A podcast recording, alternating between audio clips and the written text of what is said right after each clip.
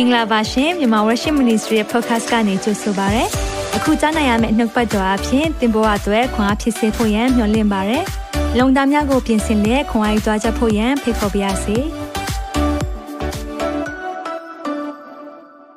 Hello အားလုံးပဲမင်္ဂလာပါကဘာတဝလုံးမှာကြည့်ရှုနေကြတဲ့ ဓမ္မမိတ်ဆွေများအပါအဝင်ယုံကြည်သူသားသမီးအယောက်စီတိုင်းကိုမင်္ဂလာပါလို့ဒီနေရာကနေနှုတ်ဆက်ပါတယ်အားလုံးကြိုဆိုပါတယ် welcome ပါ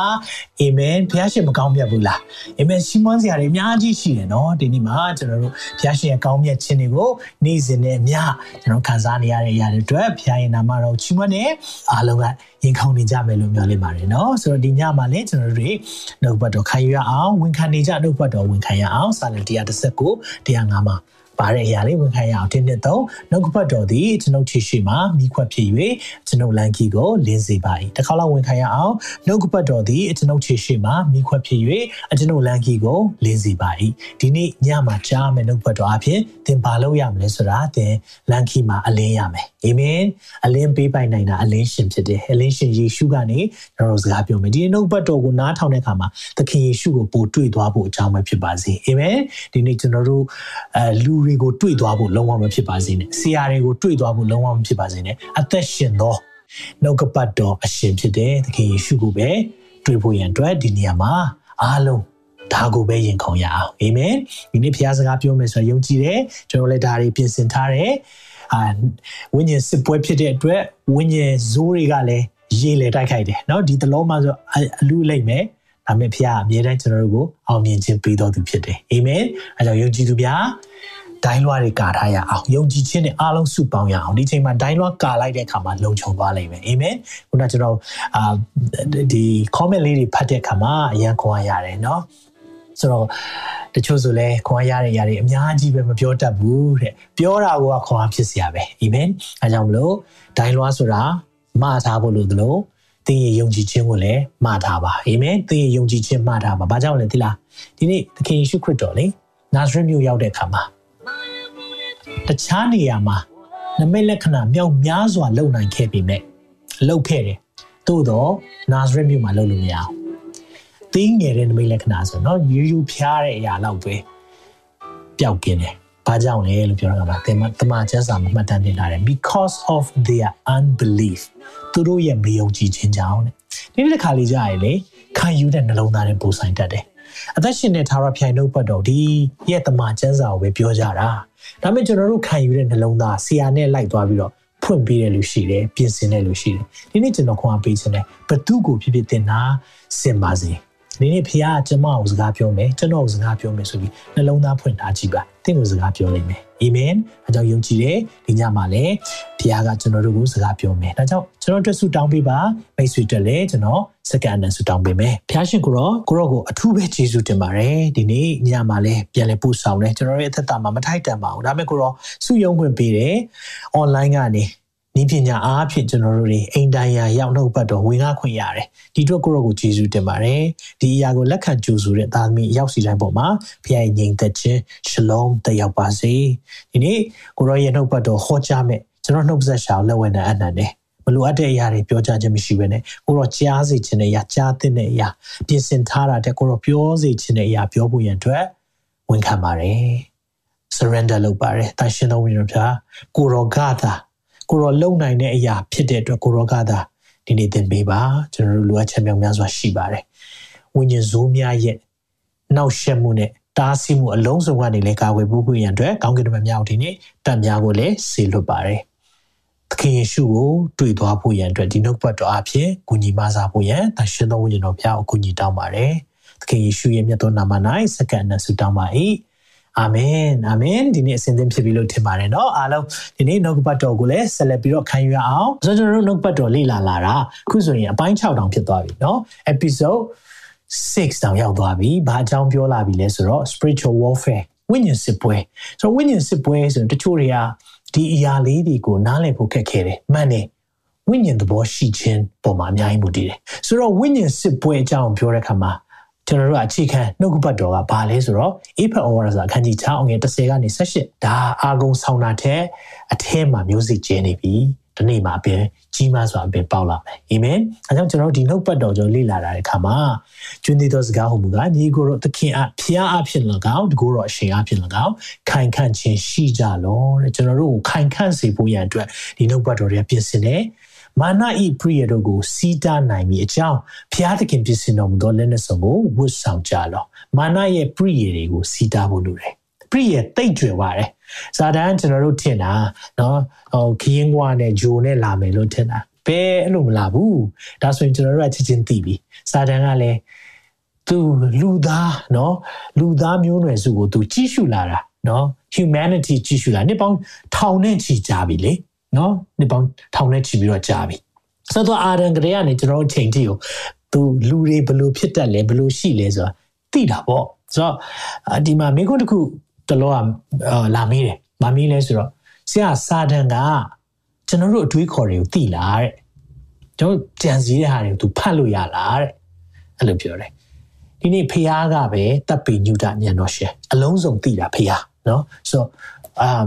now omniscience omniscience ဆိုတဲ့အဓိပ္ပာယ်အလုံးစုံသိတယ်။ဘာမှပြောစရာမလိုသင်မပြောခင်ကတည်းကသင်ပါပြောမလဲသိပြီးသား။ဆိုတော့ကဘာဦးကနေကဘာပြတ်မဲ့အချိန်ဒီကဘာအဆုံးထိအားလုံးမြင်ပြီးသားဖះကဒါ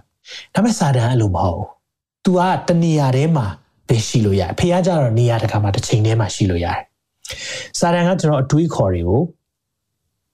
အကုန်လုံးဖတ်လို့မရအောင်ကျွန်တော်ပြောတာကို तू သိတယ်။ဒါဆိုရင်ဘာလို့ကျွန်တော်တို့အကြောင်းသိနေလဲ။ ဥပမာကျွန်တော်တို့ကိုသားသမီးတွေကိုမိဘတွေကကြည့်တဲ့အခါမှာသူဘိုက်ဆာနေပြီသူဘာဖြစ်နေပြီသူစကားပြောစရာမလိုဟုတ်တယ်နော်ကလေးငယ်လေးကိုကြည့်လိုက်အာဒါကဒီငိုတန်ကဒါဘာလောက်တာဘာလောက်တာဆိုဒါတောင်ကိုယ့်ရဲ့နော်ရင်သွေးလေးကိုတိတ်တောင်မကြသေးပါဘူးပြောမယ်ဆိုရင်เนาะဆိုတော့နှစ်နှစ်နှစ်အနည်းငယ်အတွင်းမှာကလေးတယောက်ရဲ့အခြေအနေကိုသိတယ်ဆိုရင်စာတန်ကကျွန်တော်တို့မသိပဲနေမလားသိသိတာပေါ့နှစ်ပေါင်းထောင်နဲ့ချီပြီးဒီလူတွေကိုသူလေ့လာပြီးပြီလေ အဲ့ခါမှာဒီပုတ်ဒီတယောက်ကဒီအချိုးမျိုးလုပ်နေပြီဒီလိုမျက်နှာပေါက်ရှိရဆိုဒါတွေးနေပြီသူခတ်မှန်းလို့ရတယ်အကုန်လုံးတော့ဒါမဲ့သူဖတ်လို့တော့မရဘူးအဲ့ဒီအချိန်မှာ pre ရဲ့ကျွေဝရတယ်ဆိုတော့နားလေးစေချင်တယ်ဆိုတော့စာတန်ရဲ့ pre ဝပရိရဲ့ကျွယ်ဝတဲ့အရာက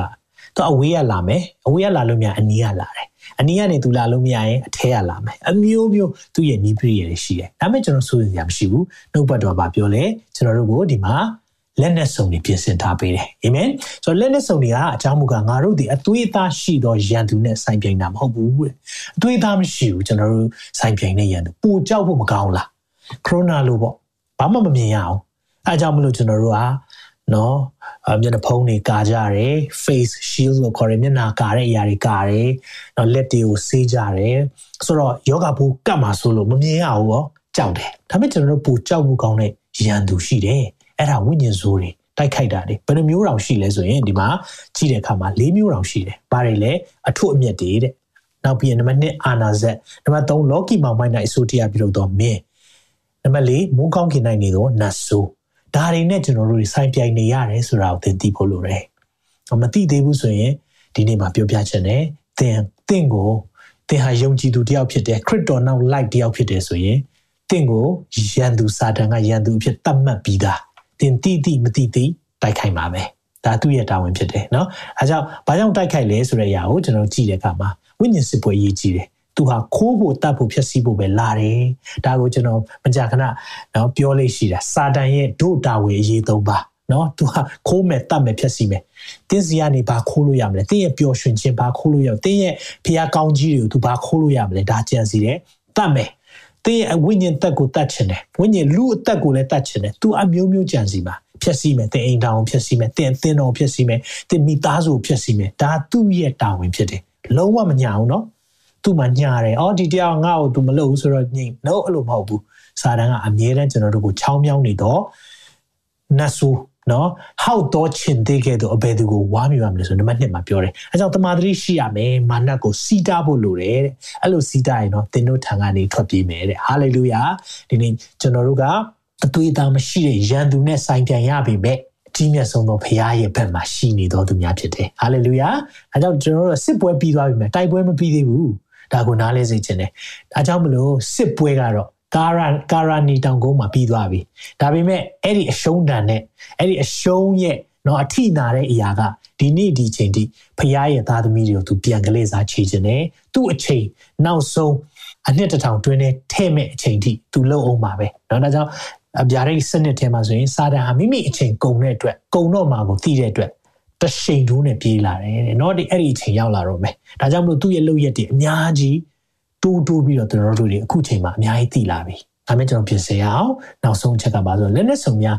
ဖတ်ခြင်းတဲ့ဝစ်စင်ခြင်းလို့တယ်ကြင်ကြံခြင်းလို့တယ်ဒါတွေကိုကျွန်တော်တို့ကအာကုံဆောင်ဖို့เนาะအလို့ရတာကောင်းတယ်ဒါပေမဲ့အဲ့ဒီအလို့ရတဲ့နောက်ွယ်မှာ application ဆိုတဲ့ကျင့်သုံးခြင်းအပိုင်းတွေကိုလေ့လာသွားဖို့လိုတယ်ဆိုတော့ပြောပြချင်တယ်ကဲဒီနေ့ရဲ့နှုတ်ပတ်တော်ခေါင်းစဉ်ကတော့ gaining ခြင်းတန်ခမောင်း the helmet of salvation helmet ဆိုတာကျွန်တော်ခေါင်းဆောင်တဲ့เนาะတန်ခမောင်း เนาะခေါင်းဆောင်ပေါ့เนาะခေါင်းဆောင်လို့ပြောရင်လည်းမှန်ပါတယ်เนาะဆိုတော့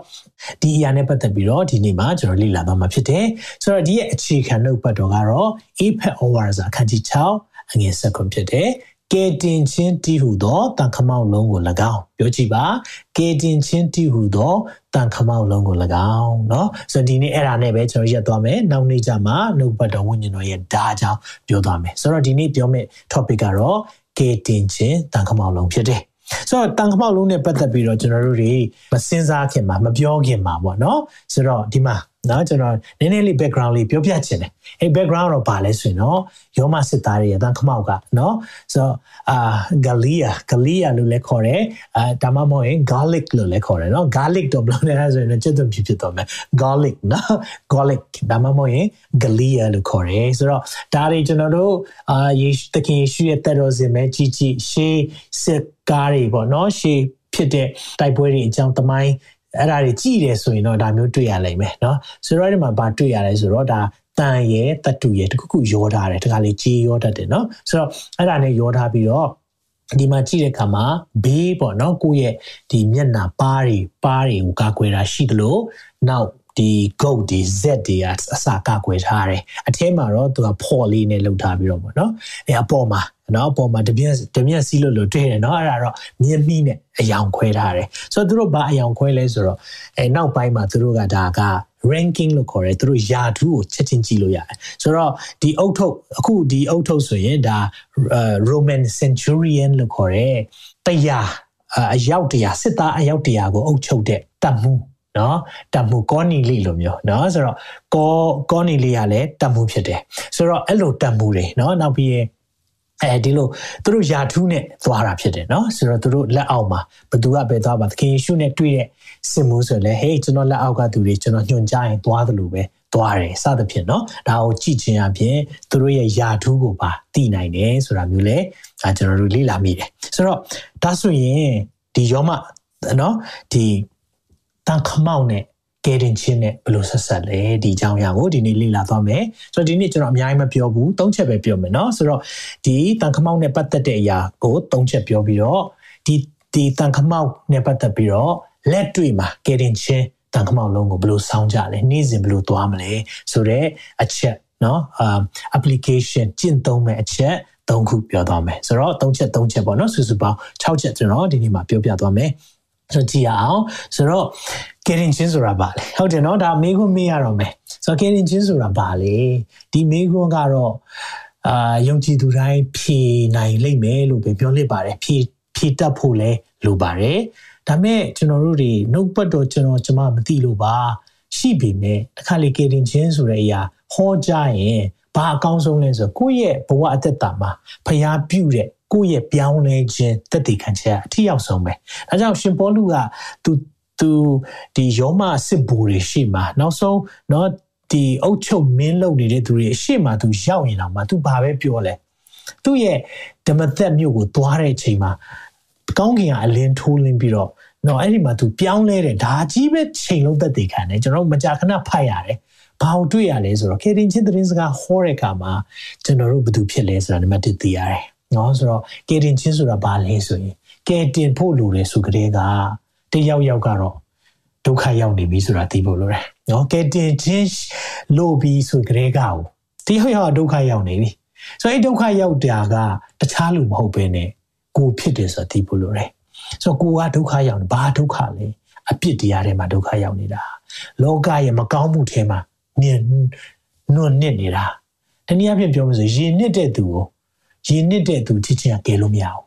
အဲ့ဒီအချိန်မှာကယ်တင်ခြင်းဆိုတာရေမနစ်တဲ့ကမ်းပေါ်ကတယောက်ကကယ်တာ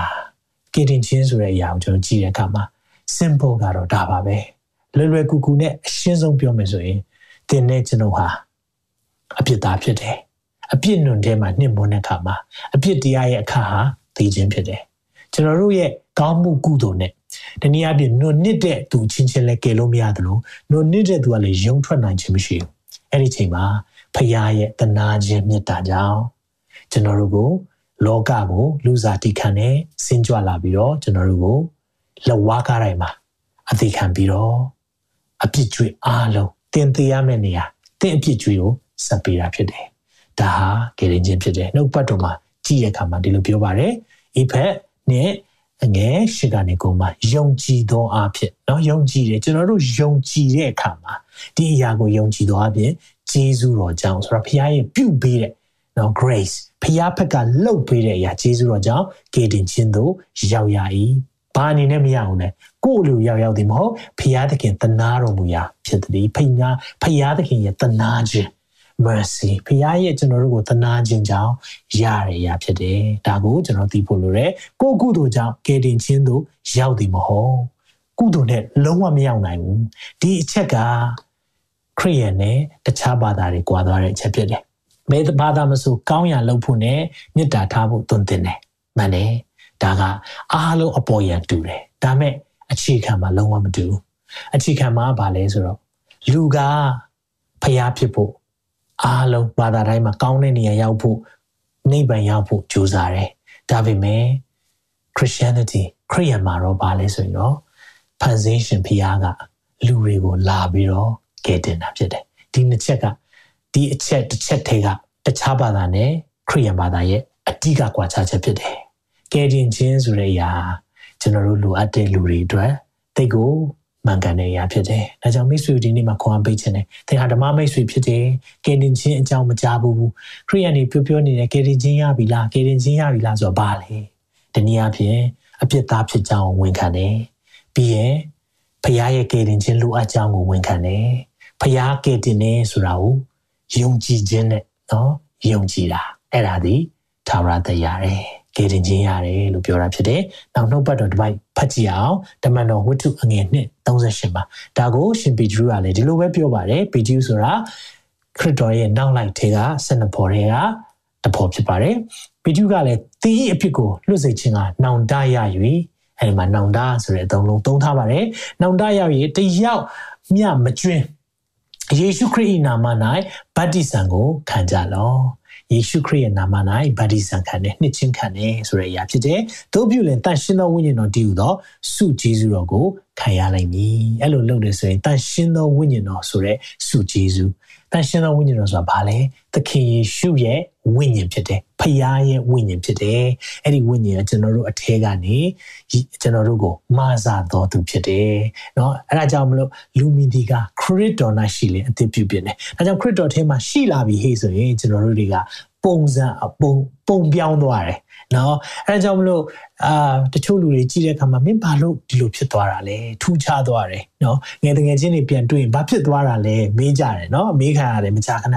အဲ့ချိန်မှာမသိဘူးအထဲကနေပြောင်းလဲပေးတဲ့အရာရှိတယ်။မင်းဘာတွေကြင့်ကြံလဲဘာတွေလှုပ်ဆောင်လဲဘာမှထွေထူးကြင့်ကြံတာလှုပ်ဆောင်တာမရှိဘူးအထဲကနေလှုပ်ဆောင်ပေးတဲ့အရာရှိတယ်အဲ့ဒီအရာပါလဲဆိုတော့ဖခင်ရဲ့ဝိညာဉ်ဖြစ်တဲ့တန်ရှင်သောဝိညာဉ်တော်ဖြစ်တယ်။ဒါကြောင့်ဒီအချိန် ပြီးတဲ့အချိန်မှာလဲသင်အဲ့ဒီကယ်တင်ခြင်းဘလို့လက်ခံနိုင်မလဲဆိုတာကိုကျွန်တော်ဆူတောင်းပေးခြင်းတယ်เนาะဒါကြောင့်မလို့စိတ်ဝင်စားရဲဆိုရင်ဆက်ပြီးတော့ပါဝင်ဖို့ရန်အတွက်ဖိတ်ခေါ်တယ်ဆက်ပြီးတော့ကြည့်အောင်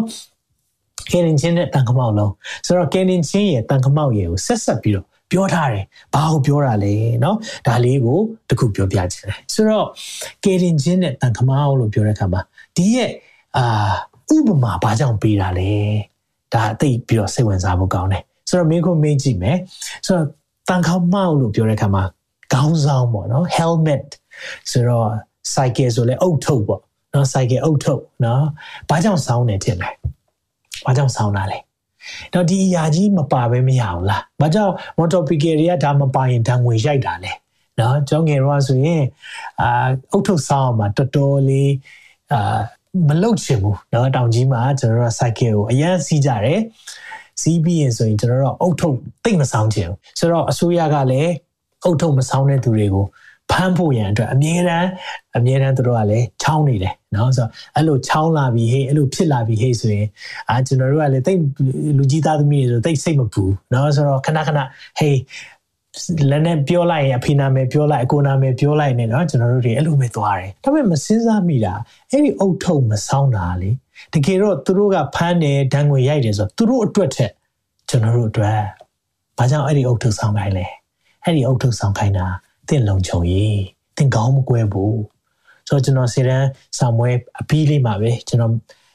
ကျောင်းနေပဲတငယ်ချင်းတယောက်သူတို့၃ယောက်စိုက်ကစီးကြတယ်စီးတဲ့အချိန်မှာအုတ်ထုမပါဘူး၃ယောက်ပျော်လို့ပျော်ပြီးတော့စီးတဲ့အခါမှာမှောက်သွားတဲ့အခါမှာအဲ့ဒီထဲမှာတယောက်ကလုံးဝခေါင်းနဲ့အာကတ်တရား လမ်းမနဲ့ရိုက်မိပြီးတော့ချက်ချင်းပွဲချင်းပြီးသွားတယ်နှစ်ယောက်ကတော့အသက်မသေးဘူးကြိုးပဲ့ပြီးတော့ဖြစ်သွားတယ်ဆိုတော့အဲ့ဒါကိုကြည့်တဲ့အခါမှာကျွန်တော်တို့တွေတော်တော်ကြောက်လန့်ပြီးတော့ဟာလာအဲတပတ်လောက်တော့အုတ်ထုံဆောင်တယ်အဲဆိုစပင်းပုံစံပြက်တယ်နော်ဆိုပြီးတော့ကျွန်တော်အုတ်ထုံဆောင်ခြင်းတကယ်တော့အုတ်ထုံဆောင်ခိုင်းနေဆိုတာတင်းရဲ့လုံခြုံရေးအတွက်ပဲဖြစ်တယ်ထိုနည်း၎င်းပဲကဲတင်ခြင်းအုတ်ထုတ်ကဲတင်ခြင်းတက္ကမောက်စောင်းခိုင်းနေဆိုတာတင်းရဲ့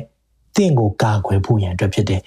တင်းရဲ့ဥကောင်းကိုကာကွယ်ဖို့အာမင်ဒါကြောင့်မလို့ဒီနေ့ဆက်ကြည့်ရအောင်ဆိုတော့နံပါတ်1အချက်ကျွန်တော်ပြောချင်တယ်ဘာကြောင့်လဲအတွေးခေါ်တိုက်ခိုက်တယ်ဒါကြောင့်အတွေးမှားရင်အပြောမှားတတ်တယ်ပြောကြည့်အောင်အတွေးမှားရင်အပြောမှားတတ်တယ်ဆိုတော့ကျွန်တော်တို့ခေါင်းထဲမှာစာတန်ထည့်ပေးတာအတွေးခေါ်ပဲ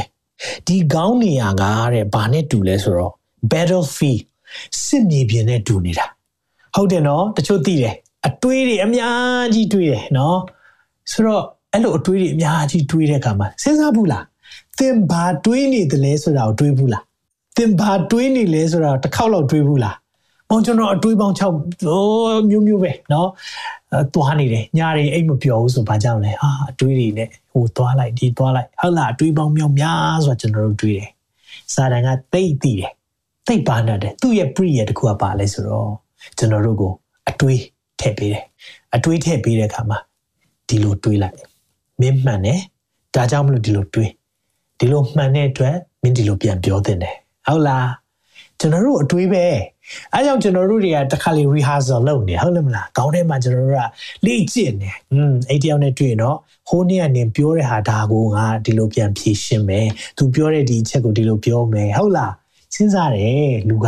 ဒါဖြစ်ဖို့ရန်အတွက်စာတန်ကလည်းထည့်ပေးတာထည့်ပေးတာ ဒါကြောင့်အတွေးမှားပြီဆိုဘာလာပြီလဲအပြောမှားသွားပြီအတွေးမှားပြီဆိုရင်အပြောမှားသွားပြီဒီကောင်နှစ်ခုကဆက်နေတာအမြဲတမ်းဒီမှာစတွေးတယ်လေအဲ့မှာစတွေးတဲ့အခါမှာအဲငါစိတ်ပါလို့မဟုတ်ပါဘူးလို့ပြောမိတာဒါဒါမဟုတ်ဘူးတကယ်တော့တွေးထားလို့တခုခုကိုတွေးထားလို့အတွေးတွေရှိတယ်ဆိုတော့ကျွန်တော်တို့အဲ့ဒီအတွေးမှားတဲ့သူတွေအပြောမှားတဲ့အရာတွေလည်းရှိတယ်ဒါကိုလည်းသခင်ယေရှုကိုယ်တိုင်ကြုံရတယ်ဒါလေးနှုတ်ဘတ်တော်ထဲမှာကျွန်တော်ပြခြင်းတယ်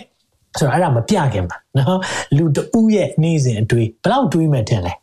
ဘယ်လောက်လောက်တွေးမှထင်လဲလူလူတယောက်ကနေ့စဉ်အတွေးတွေရှိတယ်ဆိုတော့သူတွေးတဲ့ခါမှာတဲ့နော်ကျွန်တော်အတွေးတွေစဉ်းစားတာ thinking တွေဘယ်လောက်ထိရှိလဲဆိုရင်တဲ့အခုနောက်ဆုံးလေ့လာချက်ပေါ့နော်2020မှာအာဒီတက္ကသိုလ်တစ်ခုကလေ့လာတဲ့အရာကဘာတွေ့ရလဲဆိုလူတစ်ယောက်ကအတွေးပေါင်း6000နဲ့မှ200ပေါ့နော်6000ကျော်တွေးတယ်ပြန်မြပေါ့နော်ဒါပြန်မြ တချို့တွေအများကြီးတွေးလိုက်မယ်ဟာလားတချို့တွေနော်ကျွန်တော် long distance နေဆိုရင်ပိုတောင်တွေးမယ်တင်တယ်နော်ဟာလားချစ်သူနဲ့ဝေးကွာနေတဲ့သူတွေပိုတွေးမယ်တင်တယ်ဒါပေမဲ့လူတွေကတွေးတယ်တဲ့အဲ့လိုအတွေးပေါင်း6000ကျော်လောက်တွေးနေကြတယ်နေတိုင်းအဲ့လိုတွေးတဲ့ထဲမှာဘာတွေပါမယ်တဲ့လဲကျွန်တော်ကြည့်ရအောင်ဒီမောအဲ့ဒီတွေးတွေထဲမှာအများဆုံးပါတာပါလဲဒီက anxiety and self loathing ဆိုတာ anxiety ဆိုစိုးရိမ်ပူပန်မှုနဲ့ကိုကိုကိုအဲ့ဒီကနေဘလို့လွတ်မြောက်မလဲပေါ့နော်ဟိုကြံရကြံနေတာပေါ့ထွက်ပေါက်ရှာနေတာဒါတွေကိုကျွန်တော်တို့အများဆုံးတွေးတယ်တဲ့နောက်ပြီးတော့ဗဒီနေ့ဘာစားမလဲဆိုတော့တွေးတယ်တဲ့ပြီးရင်နော်တချို့ကအဲ့ဒါပုံများမယ်တဲ့ဟုတ်လားဒီနေ့ဘာစားမလဲတချို့ထတာနဲ့အစားကိုစဉ်းစားတဲ့ဖွဲ့တွေရှိတတ်တယ်ဆိုတော့တချို့ကျတော့အလုပ်အကြောင်းတွေးတယ်နော်တချို့ကျလည်းနော်တခြားအရာ stress တွေ ရှိတယ်ဒါပေမဲ့အများကြီးနေ့စဉ်အတွေးရတဲ့တွေးတဲ့ဥစ္စာကျွန်တော်တို့အများကြီးရှိနေတယ်အဲ့လိုအတွေးတွေကိုစာတန်ကထည့်ပေးတယ်အခုနော်ဒီဒီရက်ပိုင်းမှာဆိုရင်ကျွန်တော်တော်တော်တွေးစရာလေးတွေစာတန်ပေးတယ်ဒါစာတန်ကလည်းတော့ကိုယ့်ရဲ့အလုံးများမှုနဲ့ကိုယ့်ရဲ့ပြင်ဆင်မှုတွေပေါ်မှာလည်းအများကြီးတိုက်ခိုက်တယ်အဲ့လိုဖြစ်တဲ့အခါမှာတော့ကျွန်တော်စဉ်းစားရတယ်အာဒီဒီဟာလေးတွေဘယ်လိုမျိုး နှုတ်ပတ်တော်သင်ကြားမလဲဒီရဲ့နှုတ်ပတ်တော်ဘယ်လိုမျိုးကျွန်တော်လူတွေကိုနားလည်ဖို့လုပ်မလဲဖះကိုဆူတောင်းရင်းနဲ့လုပ်ရင်ဒါမျိုးရှိတယ်ဆိုတော့အဲ့ဒီအတွေးမတွေးအောင်ဆိုရင်စာတန်တခြားဟာတွေထည့်ပြီးတတ်တယ်เนาะကျွန်တော်မိသားစုအရေးเนาะအပြင်အရေးတစ်ခုခုပေါ့เนาะအကုန်လုံးလောကီအရေးတွေလာထည့်ပြီးပြီဆိုရင်အဲ့ဒီအချိန်မှာသဘောပေါက်တယ်အားလာတိုက်ခိုက်နေပြီစာတန်ကအဲ့ဒါနီးပရိရဲ့တိတ်ကြွယ်သွားတယ်။ဒါကြောင့်တင်းကိုလေအတွေးစားလေးတစ်ခုပဲထည့်ပေးလိုက်။ ဟိုမှာဟိုးလွန်ခဲ့တဲ့တစ်နှစ်လောက်ကတယောက်ယောက်ရဲ့ပြောခဲ့တဲ့စကားလေးတစ်ခုပဲထည့်ပေးလိုက်။ပြီးသွားပြီ။တင်ရတာတွေးနေပြီ။တွေးနေပြီးတော့နာကျင်လာပြီ။ဟုတ်လားအကုန်လုံးဆက်ဆက်နေတယ်။ဒါကြောင့်ကျွန်တော်တို့ကလေအတွေးမှားပြီဆိုရင်အပြုံမှားသွားပြီ။ဒါကြောင့်မလို့နှုတ်ပတ်တော်ထဲမှာတစ်ချက်လောက်ကြည့်အောင်နော်ရှင်မသက်စနစ်ထဲမှာ33ကနေ39အတိအဖြစ်အပင်ဤသဘောထင်ရှားသည်ဖြစ်၍အတီးကောင်းလင်အပင်ကောင်းသည်ဟုဆိုကြ၏အတီးမကောင်းလင်အပင်မကောင်းဟုဆိုကြ၏ အချင်းမွေစိုးအမျိုးတို့ဘသူ့ကိုဆဲတာအောင်သိလားဘသူ့ကိုသခင်ယေရှုပြောတာအောင်သိလားကျန်တဲ့ပုဂ္ဂိုလ်ဖာရီရှဲတွေကိုပြောတာဘာသာရေးသမားတွေကိုပြောတာအချင်းမွေစိုးမျိုးကြောက်စရာကြီးနော် viper အာဒါကြီးကတော်တော်စကလုံးကြီးတဲ့ရာနော်ကျွန်တော်တို့တခါလေသခင်ယေရှုကိုကျွန်တော်တို့ကအဲ့လိုမျိုးပြောတတ်လိမ့်မယ်ဟုတ်လားပြောလိမ့်မယ်လို့မထင်တဲ့အချိန်တွေအများကြီးရှိတယ်ဒါပေမဲ့သခင်ယေရှုကဘာသာရေးသမားတွေအထူးသဖြင့်နော်ကိုကို ဖြောင့်မတ်တယ်လို့ထင်တဲ့သူတွေနဲ့ပတ်သက်ရင်လုံးဝမသက်ညာအောင်ဆိုပြောတယ်အဖြူတုပ်အုပ်ယူစဉ်းစားကြည့်လေမင်းတို့ကသင်ချိုင်းသင်ချိုင်းအုပ်ကူနဲ့တူတာ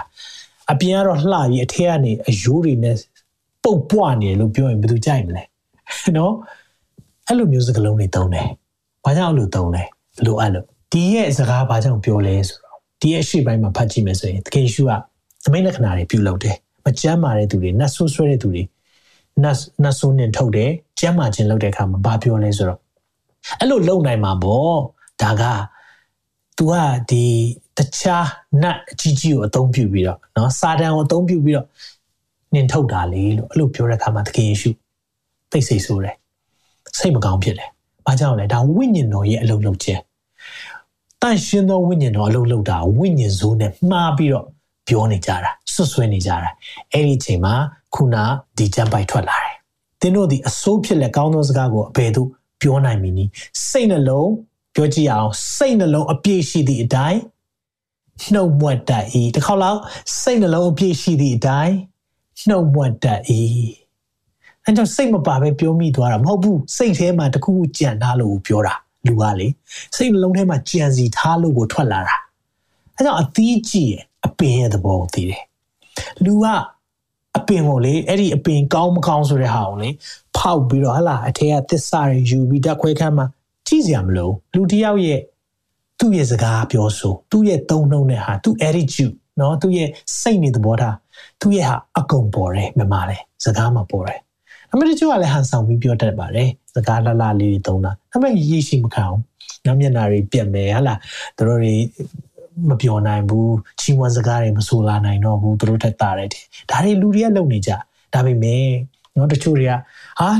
ကျမတို့ကပွတ်ပွင့်လင်းလင်းပဲအကုန်ပြောတယ်နော်တခုတော့သတိပေးခြင်းတယ်ရင်ဖွင့်ပြီးရင်လေပြန်ပိတ်ရခက်တယ်ရင်ဖွင့်ပြီးရင်လေပြန်ပိတ်ရခက်တယ်နော်အဲ့ဒါသတိထားပါဒီနေ့ဟိုစကားနဲ့ပြောပြီးတော့ကျွန်တော်တို့ရင်ဖွင့်လိုက်တဲ့ဟာဘာနဲ့တွားတူလဲသိလားမြို့နော်မြို့ယူတကားဖွင့်ပေးတာနဲ့တူတူပဲ ရန်သူဝင်ဖို့တိတ်လွယ်တယ်။ဒါကြောင့်ကျွန်တော်တို့ဒီတချို့တွေကကောင်းတာပဲပြောပါတယ်ဟုတ်လား။ဟာငါတို့စိတ်ထဲမှာဘာမှမရှိဘူးစိတ်ထဲမှာရှင်းနေအောင်ပြောတယ်။ဒါမဲ့တခါလေကြာရင်ကိုယ့်ရဲ့တွေးခေါ်မှုတွေတအားဆင်ခြင်ဖို့လိုတယ်။စာတန်ကကိုယ့်ရဲ့ပါဇက်ကိုပါစကားထည့်ပေးခြင်းလဲဆိုအတွေးမှာထည့်ပေးတယ်။နင့်ကအဲ့လိုမတရားလုပ်ထားတာ။နင့်တင်းအောင်ဆရာအဲ့လိုမတရားလုပ်တာပြောလိုက်ပြောလိုက်ဒါတွေကိုရင်ဖွင့်လိုက်ဒါတွေကိုပြောပြောခိုင်းတတ်တယ် အဲ့လိုပြောခိုင်းတဲ့အခါမှာဟာပြောတယ်ပြောတယ်မပြီးတော့ဟုတ်လားဟိုတရားကလည်းခံယူချက်တူတော့ဟုတ်တယ်နော်ဟုတ်တယ်နော်သဘောတူရင်တူရင်ပါတီဖွဲ့ပြီးသားဖြစ်သွားတယ်မိတ်ဆွေဒီနေ့စင်ကြင်ရအောင်ဘာလို့လဲဆိုတော့ဖះနှုတ်ပတ်တော်ထဲမှာဘယ်လိုပြောလဲကောင်းသောသူသည် ကောင်းသောစိတ်နှလုံးပန်းနာတိုက်ထဲကကောင်းသောအရာကိုထုတ်ဖော်တတ်တယ်ကောင်းတဲ့အရာရှိရင်ထွက်ထွက်လာတယ် မကောင်းသောသူဒီမကောင်းသောဘန္နာတိုက်ထဲကမကောင်းသောအရာကိုထုတ်ဖော်တတ်တယ်ဒါဘာသာရေးသမားတွေကိုပြောနေတာဖာရီရှဲတွေကိုပြောနေတာဇတ်တုကဲတွေကိုပြောနေတာဒီလူတွေတစ်ချိန်လုံးပုတ်ခတ်ပြောဆိုနေတယ်နှုတ်ကပတ်တော်အရှင်အရှိတက်တက်မှာရှိတယ်မေရှိယအရှိတက်တက်မှာရှိတယ်မေရှိယသာလုံနိုင်မဲ့နမိတ်လက္ခဏာတွေလှုပ်သွားတယ်ဒါပေမဲ့လက်ကိုမခံနိုင်ဘူးအတွေးခေါ်မှာတာဒါကြောင့် ရှင်ပေကျူးကပြောလဲဆိုခံတက်လို့ပြောတယ်ဒီခေါင်းကလေအတွေးခေါ်ကလေခံတက်ကြီးအဲ့ခံတက်ဖြိုချဖို့လိုတယ်အဲ့ဒီခံတက်ဖြိုချဖို့ကလေကဲရင်ချင်းပဲရှိတာအဲ့ဒီကဲတွင်ချင်းသတင်းစကားပြောလာမှဒီခံတက်အတွေးခေါ်ဖြိုချသိတ်ခတ်တယ်အဲကြောင့်ချုလူတွေဖះเจ้าသွားတယ်မပြောင်းလဲသေးဘူးဒီချိန်ထိချို့တွေနှစ်ပေါင်းများစွာတင်းလူကြီးတွေလှုပ်လာတယ်မပြောင်းလဲသေးဘူးဒီမှာ ဒီခံတက်ကြီးကလေတအားကြီးတာခံထားတာခံစစ်ကြီးဒါကိုထိုးဖောက်ဖို့တခုပဲရှိတယ်ကယ်တင်ခြင်းတဲ့စကားအဲကြောင့်မလို့ကယ်တင်ခြင်းနဲ့တန်ခမောက်ဒီကောင်းကိုပတ်သက်တဲ့အရာကယ်တင်ခြင်းနဲ့တွေ့ထားတာဒါမဲ့တိလားဘလောက်မှမှလေဖျားမြတ်တာတော့လေမနိုင်ဘူးဟာလေလုယာသင်ရဲ့အတွေးခေါ်ဘလောက်ပဲမှမှဖျားမြတ်တာနဲ့တွေ့ရင်ပျော့သွားလိမ့်မယ်တောင်းနေဖျောင်းခဲ့သူအရေးပျော့သွားလိမ့်မယ်ဘာကြောင့်လဲဖျားမြတ်တာလောက်လေ ဘယ်အရာမှတကူမရှိဘူးအဲတော့ကျွန်တော်ပြောပြမယ်ကျွန်တော်လည်းတွေးခေါ်မှာခဲ့ပါတယ်ကျွန်တော်လည်းအများကြီးခေါင်းမာခဲ့တဲ့အရာတွေရှိပါတယ်ဒါပေမဲ့ဖះမြတ်တာနဲ့တွေ့ရင်တော့မျက်ရည်နဲ့မျက်ခွက်ပဲဒူးထောက်ကျသွားတာကြီးပဲအဲကျွန်တော်ပြောပြချင်တယ်မိတ်ဆွေဒီနေ့ဖះမြတ်တာထိသွားပြီဆိုရင်ဖះကျန်တဲ့လက်နဲ့အားလုံးသုံးလို့ရတယ်ဒါပေမဲ့တစ်ခုပဲသုံးသွားတယ်မြတ်တာလက်နဲ့သုံးသွားတယ်အဲ့ဒီမြတ်တာလက်နဲ့နဲ့ထိသွားရင်တော့သင်အရေးပြောသွားလိမ့်မယ်စကြည့်အောင်အမှန်ပါပြောထားတယ်26 36ငါဆိုသည်ကလူတို့သည်အကျိုးမဲ့သောစကားကို ပြောသမျှအတွက်အကျိုးမဲ့သောစကားတယ်နော်အကျိုးမဲ့သောစကားမဟုတ်ပါတွေဟုတ်လားစာနောက်တာတွေနော်တခါလေကျွန်တော်တို့ပြောနေတဲ့ဟာတွေကဟိုလိမ်ပိုင်းဆိုင်ရာမလွတ်တာတွေအစဲတွေအဲ့ဒါအကုန်ပြတယ်လူတို့ဒီအကျိုးမဲ့တယ်ဘယ်သူမှအတွက်အကျိုးမရှိဘူးကျိုးမဲ့သောစကားကိုပြောသမျှအတွက်ဘာဖြစ်မယ်လို့ပြောလဲတရားဆုံးဖြတ်ရာ သောနေ့၌တရားဆုံးဖြတ်သောနေ့၌စစ်ကြောခြင်းကိုခံရကြလက်တံတင့်စကားအားဖြင့်တင်သည်အပြစ်လုပ်လိမ့်မည်သို့မဟုတ်တင့်စကားများဖြင့်အားဖြင့်အပြစ်စီခြင်းကိုခံရလိမ့်မည်ဟုမိန့်တော်မူ၏တွေ့လားဒီနေ့ကျွန်တော်တို့တွေစကားပြောမှားသွားဖို့ရန်စာတန်ကပြင်ဆင်တယ်ဘလို့ပြင်ဆင်လဲအတွေးမှားဖို့ပြင်ပေးတာအဲကြောင့်ကျွန်တော်တို့ကဘာလုပ်ဖို့လဲကယ်တင်ချင်းတန်ခမောက်လုံးစောင်းထားတယ်အဲ့လိုစောင်းထားတဲ့အခါမှာနားပါကာသွားတာ ဘာကြောင့်လဲယုံကြည်ခြင်းဟာကြားနာခြင်းအမြင်ဖြစ်ပွားတယ်ဖျားစကားများများကြားတယ်အခုနှုတ်ပတ်တော်တွေကြားလာတယ် online မှာဂျေဇုတော်ကြောင့်ကိုဗစ်ကာလမှာဆရာပေါင်းဆောင်ရဲ့နှုတ်ပတ်တော်တွေကြားတယ်ဖျားလည်းဆရာတစ်မျိုးစီကနေတစ်မျိုးတစ်မျိုးဖွင့်ပြတယ်ဒီຢာတွေကြားလာတဲ့အခါမှာအရင်မကြားဘူးတဲ့ຢာတွေမသိခဲ့တာတွေနားလည်လာတယ်ယုံကြည်ခြင်းတွေကြီးထွားတယ်ထိုနည်း၎င်းပဲအတင်းစကားတွေပဲချိန်လုံးကြားဟိုကပြောလိုက်ဒီကပြောလိုက်ဒါကိုလည်းယုံသွားတယ်ဒါကြောင့်မလို့နားပါကာထားတယ်တွေ့လား ဒီရဲ့တန်ခမောက်လုံးကလည်းအကုန်လုံးခေါင်းပါအကုန်ကာထားပေးတာဖုံးထားပေးတယ်ဒီလိုဖုံးထားဖို့လိုတယ်ပါလေတာကယ်ရင်ခြင်းသင်ကယ်ရင်ခြင်းရတယ်ဆိုရင်လေဒီအရာတွေအားလုံးဟာဖခင်ကဖုံးအောင်ကာကွယ်ပြီးသားသင်ရဲ့ခေါင်းထဲမှာအတွေးအဖြစ်လာတိုက်တော့မယ့်အရာကာပြီးသားဖြစ်တယ်ဟာလေလုယာဆက်ပြီးတော့နံပါတ်1ချက်ကြည့်အောင်အနှုတ်လက္ခဏာစဉ်းစားပြီးအပေါင်းလက္ခဏာအသက်တာမရဘူး you can never have a positive life with negative attitude အနှုတ်လက္ခဏာတွေစဉ်းစားပြီးတော့အပေါင်းလက္ခဏာအသက်တာလုံးဝမဖြစ်ဘူးစဉ်းစားတာမကောင်းတာတွေဘဝမှာตายရဖို့မရဘူးဘာလို့လဲစိုက်တဲ့အတိုင်းပဲရိတ်တာကိုဘာစိုက်နေလဲအဲ့ဒီဟာစိုက်တဲ့အတိုင်းပဲရိတ်တာဒီနေ့ကျွန်တော်တို့အသက်တာမှာဆင်ခြင်ဖို့လိုတယ်တခါလေးဆိုကိုမြင်တဲ့ဟာပြောချင်မိပါတယ်เนาะကျွန်တော်အသက်တာမှာလည်းတခါလေး post အရင်တော့ post တဲ့ဟာတွေပြပြတက်လာရင်ဟောငါတော်တော်လေးကိုပြောခဲ့တဲ့လူပဲ နော်ဒီနောက်ပိုင်းမှာတော့အများကြီးဆင်ခြင်မိပါတယ်တခါလေကြာရင်စိတ်ထဲမှာပောက်ကွဲကျင်တာတို့ပြောကျင်တာတို့ရှိလိမ့်မယ်အဲ့ဒီအချိန်ဒီမှာပြောဖို့လိုလားဒါအချိုးရှိမလားနော်ဆိုတော့ကိုယ့်ရဲ့နောက်တစ်ခုလောက်လှုပ်စေချင်တယ်ကို post ထားတဲ့ post နော်ကိုရေးထားတဲ့ဟာပေါ့နော်နောက်ဆုံးရေးထားတဲ့10ခုကိုပြန်ကြည့်စေချင်တယ်နော်အခုတော့မဟုတ်နော်ပြီးရပြန်ကြည့်ပေးပါအဲ့ဒီ10ခုကနေဘယ်နှခုဟာအပေါင်းလက္ခဏာဆို positive ကောင်းတဲ့အရာပြောတယ် ဘယ်တစ်ခုဟာဘယ်ဘယ်မနှခုဟာသူများကိုထိုးနေတာနဲ့ရည်တာနဲ့ဟာလားထိမိအောင်ပြောတာနဲ့ဘယ်ဟာများလဲချိန်ကြည့်လိုက်သင်ရဲ့ဘဝအဲ့မှာအပြည့်ပေါ်တယ်အဲကြောင့်ကျွန်တော်တို့တွေကလေဖခင်ကကျွန်တော်တို့ကိုအဆိုးအပြင်အရှုံးမခံနဲ့တဲ့အကောင်းအပြင်အဆိုးနိုင်လောအဆိုးအပြင်ရှုံးမခံနဲ့အကောင်းအပြင်အဆိုးနိုင်လို့ဒီအဆိုးတွေသိများတယ် online မှာအမျိုးမျိုးရှိတယ်နော် တယောက်နဲ့တယောက်ပြောနေပြီဟေးဆိုရင်အဲအာမင်ထောက်ခံတဲ့သူလည်းရှိတယ်ဘာကြောင့်သူကိုယ်တိုင်မပြောရဘူးလေတယောက်ယောက်ပြောပြီးတော့သူအောက်ကနေအောက်ဆီဂျင်လုတ်ပေးတာပေါ့မိလောက်ရလေးပင့်လုတ်ပေးတာအမျိုးတွေရှိတယ်အဲကြောင့်မလို့ကျွန်တော်နှုတ်ပတ်တော်ကြည်ရအောင်ဒီဟာလေးကိုဆင်ခြင်စေခြင်းနဲ့အရန်ရေးကြည့်တဲ့အရာဖြစ်တယ်တရားဟောကျမ်း30ငယ်19ကနေ20ဒါကတရားဟောကျမ်းကိုကျွန်တော်တို့တွေအာဖတ်ပြီးလေ့လာပြီးဆိုရင်နားလည်ဖို့ကမောရှိကနောက် generation ခါနန်ကိုဝင်တော့မဲ့အဖွဲကိုမှားတဲ့စကားတွေနော်သူကိုယ်တိုင်မဝင်ရဘူးသူခါနန်ကိုလမ်းမြင်ရတယ်ဒါပေမဲ့ तू မမြင်မဝင်ရတော့ဘုရားရှိမှ तू စကားနားမထောင်ခြင်းရှိတဲ့အခါမှာ तू မဝင်ရအောင်နော်မဝင်ရပေမဲ့နောက် generation ကို तू မှားတယ်ကဲခါနန်ရောက်ရင်ဒါလုပ်ပါဒါလုပ်ပါဒါလုပ်ပါဖះအောင်မမေ့နဲ့ပြင်းညတ်တော့အကုန်လုံးပြန်ပြောတယ်စေဘုဒ္ဓဖို့ပါလောက်ရမယ်အကုန်လုံးအဲ့ဒီမှာ तू ပြန်ပြောတဲ့အရာလေးတွေရှိတယ်အဲ့လိုပြန်မှားတာပေါ့နော်နောက်ဆုံးနော် ဟောတက်ကြီးစကားတက်ငယ်ကြားလားဟလားဆိုတော့တက်ကြီးတွေကပြောတဲ့အရာတက်ငယ်တွေကနာခံတဲ့ဟာလေးဆိုတော့အဲ့ဒီစကားလေးဘာဘာမှလဲဆိုတာကျွန်တော်တို့လည်းမှားနေတယ်ဒါလေးနားထောင်ကြည့်ရ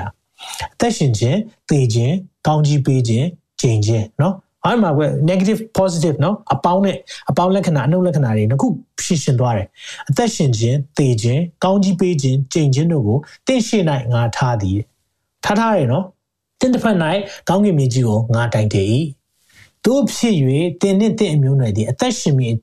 အကြောင်းနဲ့၎င်းတင်းဖျားသခင်ထာဝရဘုရားကိုချစ်၍စကားတော်ကိုနားထောင်သဖြင့်အသက်ရှင်ခြင်းအကျိုးအသက်တာရှိခြင်းအကျိုးကိုပေးတော်မူသောကိုတော်ကိုစီးကပ်မိဝဲမိအကြောင်းနှင့်၎င်းထာဝရဘုရားသည်တင်းဘိုးဘေးအာဗြဟံအိဇက်ယာကုပ်တို့အားကျင့်ဆိုတော်မူသောပြည်၌နေမိအကြောင်းရှင်သောတရားကိုရွေယူလော့ ဟူအေးဒီလအမျိုးအားဟောပြော၏ရွေးတော်တဲ့တေခြင်းနဲ့ရှင်ခြင်းကြိမ်ခြင်းနဲ့ကောင်းကြီးချထားပြီးတယ်ရှိမှာရွေးတော်တဲ့ဘာကိုပြောချင်တာလဲကျွန်တော်တို့ဒီဖျားပြတဲ့ဉာဏ်ပညာရှိဖို့လိုတယ်အဲကြောင့်မလို့ကျွန်တော်တို့ positive life လို့ချင်လားအသက်တာမှာအပေါင်းဆန်တဲ့လက္ခဏာအောင်မြင်တဲ့အသက်တာကောင်းကြီးရှိတဲ့အသက်တာလို့ချင်လားကောင်းကြီးစကားရွေးရမှာပေါ့ သင်ဘာရွေးချယ်နေလဲဒါကြောင့်ကျွန်တော်တို့တွေတော့ဘုရောဆောင်နေအထူးသဖြင့်သတိထားရမယ်ကျွန်တော်တို့ဝင်ငားတဲ့အရာတွေပြောဆိုတဲ့အရာတွေနဲ့ကျွန်တော်ရေးသားတဲ့အရာတော်တော်များများလေထိခိုက်ရှနာတာတဲ့ကိုဘာလို့လဲပဲစင်ကျင်စေချင်တယ်ခါလေးမှာခုနောက်ပိုင်းကျွန်တော်သိမရေးတော့ဘာကြောင့်လဲကိုလိုအပ်တာကြီးပဲကိုပုံမြင်တာလေသူများကိုပြောချင်တာတဲ့ကိုကြီးပဲလိုအပ်နေတယ်အဲ့လိုဖြစ်တဲ့အခါမှာဘာပဲနားလည်လိုက်လဲငါ positive life လို့ချင်လားငါရဲ့သက်တာမှာခွန်အားပေးတာကိုကြားချင်လားသူများရဲ့ ခွန်အားပေးတာကြားချင်ခွန်အားပေးတဲ့စကားပြောရမှာပေါ့ဟုတ်တယ်နော်ကိုယ့်အသက်တာမှာသူများ criticize လုပ်တယ်ဝေဖန်နေတာချိန်လုံးကြားချင်လားမကြားချင်ဘူးဒါပေမဲ့ကျွန်တော်တို့ကဝေဖန်တဲ့စကားတွေပဲဝေဖန်တဲ့မျိုးစီတွေပဲကျင်းနေဒါကိုပြောတာအဲကြောင့်ကျွန်တော်တို့အတွေးခေါ်ကယ်ရင်ချင်းတန်ခမောင်လုံးစောင်းတာပါလို့ပြောတဲ့အခါမှာဒီနေ့အပေါင်းလက္ခဏာနဲ့အနှုတ်လက္ခဏာ negative နဲ့ positive အဲ့နှစ်ခုကိုအမြဲတမ်းရွေးရတယ်။သင်စိတ်ဆိုးလို့ရတယ်တခါလေ နော်စိတ်တူလို့ရတယ်။ဟိုနေ့ကကျွန်တော်တို့အာမိသားစုတစ်ခုကကျွန်တော်တို့ကိုမွေးနေ့ပွဲခေါ်တယ်။အဲမှာကျွန်တော်သွားဆူတောင်းပေးဖို့ဆိုသူတို့အိမ်ကဟိုကျွန်တော်တို့သူတို့ gate ရှိတာပေါ့နော်။အဲ့ gate ကနံပါတ်နှိပ်ပြီးတော့ခေါ်ရတယ်။ဒါမှမဟုတ်ရင်အင်ရှင်ကိုယ်တိုင်ကတော့တော့နဲ့လာပြီးထိမှာပဲဖွင့်တာပေါ့နော်။အဲ့လိုဖြစ်တော့ကျွန်တော်လည်းအိမ်မှာရောက်သွားတယ်အိတ်ကအဲ့ဒီသူတို့အိမ်ရှိမှာအဲ့ဒီ gate ကိုရောက်သွားပြီးမှဖုန်းခေါ်လိုက်တယ်ဖုန်းခေါ်နေတန်လန်းနဲ့အဲ့ဒီဝင်းထဲကတယောက်က အနောက်မှာကျွန်တော်ကားနောက်မှာလာရက်တယ်လာရက်တော့အဲ့ဒါ तू ကတွေ့တွေ့ချင်းရက်တော့ तू ကစိတ်မရှိဘူးထွက်လာပြီးတော့မင်းတော့မရှိရင်ဘာလို့ဒီမှာရက်တာလဲဘာညာနဲ့ကျွန်တော်တို့အကြီးကျယ်ဟောက်တယ်ရုပ်တရက်ဆိုရင်တော့အာကိုလေငါလည်းလာလေတာငါလည်းမသိဘူးလေပြောလို့ရတာပေါ့ဒါပေမဲ့အဲ့ဒီမှာဆုံးဖြတ်ချက်ချလိုက်တယ် sorry ပါတောင်းပန်နေတောင်းပန်နေမသိပါဘူးဆိုလက်လေးပြလိုက်တဲ့အခါမှာသူကသူ့တော့လေးနဲ့ဖွင့်ပေးပြီးတော့သွားလိုက်တယ် ရွေးချယ်ရတယ်ဒီလားအဲ့ဒါအချိန်တိုင်းလေပြန်ကိုမှလည်း right ရှိပါတယ်ဆိုတဲ့အရာတစ်ခါလေကြာရင်စာတန်းထည့်ပေးတတ်တယ်ဒါမဲ့ကျွန်တော်နားလည်ဖို့ပါလေအပေါင်းနဲ့အနှုတ်ရွေးချယ်စရာရှိလာပြီဆိုရင်သင်ပါမျိုးစေ့ကိုကျင်းမလဲစဉ်းစားလိုက်ပါအဲ့ဒီအရာနဲ့ပဲသင်ရွေးချယ်မယ်ဆိုရင်တော့သင်ဘဝမှာပြန်လဲရိတ်သိမ်းတဲ့ခါမှာလဲအပေါင်းမျိုးစေ့ချင်းအပေါင်းမျိုးစေ့ပြန်ရေးရမယ်အာမင်ဒါကြောင့်တရားဆုံးဖြတ်ရနေ့မှာစီရင်ရမယ်စီရင်ခြင်းခံရမယ်ကိုယ်စကားနဲ့နော်ကိုယ်စကားရည်နဲ့စီရင်ခြင်းခံရမယ် ဒီပြန်လဲဆင်ခြင်ရအောင်ပြန်လဲဆင်ခြင်ရအောင်အဲမောရှိကလည်းမှာပြီတည်ခြင်းနဲ့အသက်ရှင်ခြင်းကောင်းကြီးနဲ့ဂျင်ခြင်းရှေ့မှာချထားတယ်ဒါပေမဲ့ရွေးပါနော်တဲ့အာဗြဟံအိဇက်ယာကုပ်ကိုးကွယ်တဲ့ကောင်းကြီးပေးတဲ့ဖခင်ကိုရွေးပါနော်တဲ့ရွေးခိုင်းတယ်ဝမ်းနည်းစရာကောင်းတဲ့ခါနန်ကိုဝင်သွားတဲ့အမျိုးတွေနောက် generation တစ်ခုမှဖခင်မသိတော့သူတို့ရွေးချယ်မှုမှာတယ်ရုပ်တုတွေသွားရွေးတယ် နော်ဒီဘေးကပတ်ဝန်းကျင်ကကိုးကွယ်တဲ့ဖခင်တွေသွားရွေးတယ်အဲ့လိုဖြစ်တဲ့အခါမှာသူတို့ရဲ့အသက်တာမှာဆုံးရှုံးခြင်းတွေဖြစ်သွားတယ်ထိုနည်း၎င်းပဲသူတို့ပဲမကြည့်နဲ့အာဒီကောင်နေကြည့်အောင်အပေါင်း40တောင်ဖခင်ပို့ဆောင်လာတာလုံးဝကိုဖခင်ကိုယေရှုမတင်မြင် complaint တက်တယ်အခါလေးကျွန်တော်အေးဒီလာအလူမျိုးအကြောင်းတွေဖတ်တဲ့အခါမှာအဲ့လိုမျိုးစိတ်ထဲမှာဖြစ်လာတယ်တကယ်တော့ဖခင်စကားပြောတယ်အဲ့ဒီအေးဒီလာလူမျိုးတခြားမှမဟုတ်ဘူးမြင်းမဲလေ ဖះကောင်းမြတ်ခြင်းတွေနေ့တိုင်းမြင်တာမဟုတ်ဘူးလားဘာလို့ complain နေတာလဲဖះရဲ့ကြွေးမွေးခြင်းတွေနေ့တိုင်းမြင်နေတာမဟုတ်ဘူးလားဘာလို့ complain တာလဲလာပြီလေဆိုတော့တစ်ခါလေကြာရင်နှုတ်ပတ်တော်ဖတ်တဲ့အခါမှာသူများကိုမြင်ဖို့တဲ့ကိုကိုမြင်ဖို့လိုတယ်။နော်ဒီအရာလေးကိုတွေ့ရတယ်။ဒါကြောင့်အနှုတ်လက္ခဏာစဉ်းစားပြီးတော့အပေါင်းလက္ခဏာအသက်တာမရဘူးဆိုတာကိုပြောပြချင်တယ်။နောက်ဆုံးချက်သွားရအောင်။အဲ့ဒါပါလဲဆိုရင်တော့စိတ်နှလုံးကိုအသစ်ပြုပြင်ပါ။ စိတ်နှလုံးကိုအသစ်ပြုပြင်ဖို့လိုတယ်ဖခင်ကကျွန်တော်တို့ကိုဘာဖြစ်စေခြင်းလဲဒီမှာပြောထားပါတယ်ယောမ7နှစ်အငယ်1ကနေနှစ်ဒါကိုးကွယ်ခြင်းနဲ့ပတ်သက်တယ်ဖះကိုသိပြီဖះကိုကိုးကွယ်ပြီဆိုရင်ဖះကကျွန်တော်တို့ကိုဖြစ်စေခြင်းတဲ့အရာဒီမှာပြောတယ်ညီကိုတို့အသက်ရှင်ခြင်းလက္ခဏာကျွန်တော်အသက်ရှင်တဲ့အရာတန့်ရှင်းခြင်းလက္ခဏာဖះသခင်နှစ်သက်ဖွယ်မူမူသောနှစ်သက်ဖွယ်တော်မူသောလက္ခဏာနဲ့ပြည့်စုံသောရစ်ကို သင်တို့အားသင်တို့ဒီပူဇော်၍အဲ့ဒီဖះကြိုက်တဲ့ရစ်အဲ့ဒီရစ်ကောင်ပါလဲဆိုရင်မိမိကိုယ်ကိုဖះသခင်ကဆက်ကပ်ခြင်းတည်ဟူသောသင်တို့ပြုအပ်သောဝတ်ဖះကိုကိုးကွယ်ခြင်းပြုမိကြောင်ဖះသခင်ဤဂိယူနာကိုထောက်ထွားတဲ့တို့ကိုငါတိုက်တွန်းနှိုးဆော်ပေ၏ဖះကိုကိုးကွယ်ပြီဆိုရင်ကိုယ့်ရဲ့အလိုညင်းပယ်ပါလို့ပြောချင်တာဖြစ်တယ်အဲ့မှာဆက်ပြောပါရယ်ငယ်နှစ်မှာတင်းတို့ဒီလောကီပုံသဏ္ဍာန်ကိုမဆောင်နဲ့ဒီနေ့အကြောင်းဒီနေ့ခွန်အားပေးခြင်းနဲ့ တင်ဟာလောကထဲမှာရှိပေမဲ့လောကီသားမဟုတ်ဘူးပြောပါလောကထဲမှာရှိပေမဲ့လောကီသားမဟုတ်ဘူးဟာလေလုယာဒီနေ့ဒါကိုနားလဲစေခြင်းနဲ့လောကထဲမှာကျွန်တော်တို့ရှိတယ်ဒါပေမဲ့လောကီသားလုံးဝမဟုတ်ဘူးလောကအမှုကျင့်နေကျွန်တော်တို့နဲ့လုံးဝမဆိုင်ဘူးကျွန်တော်တို့ကကောင်းကင်သား we are from a different planet amen a different place ဒီနေရာကကျွန်တော်တို့ဖြတ်သွားတဲ့နေရာယာယီတဲပဲခဏလေးဖြတ်သွားတဲ့နေရာဖြစ်တယ်မိတ်ဆွေအဲကြောင့်ကျွန်တော်ခွန်အားပေးခြင်းတယ် ကျွန်တော်သက်တာမှာဘာတွေကိုပြင်ဆင်နေကြလဲလောကီပုံသဏ္ဍာန်မဆောင်နဲ့ဘာလဲလောကီပုံသဏ္ဍာန်မဆောင်နဲ့ဆိုတာကျွန်တော်တို့ကလေ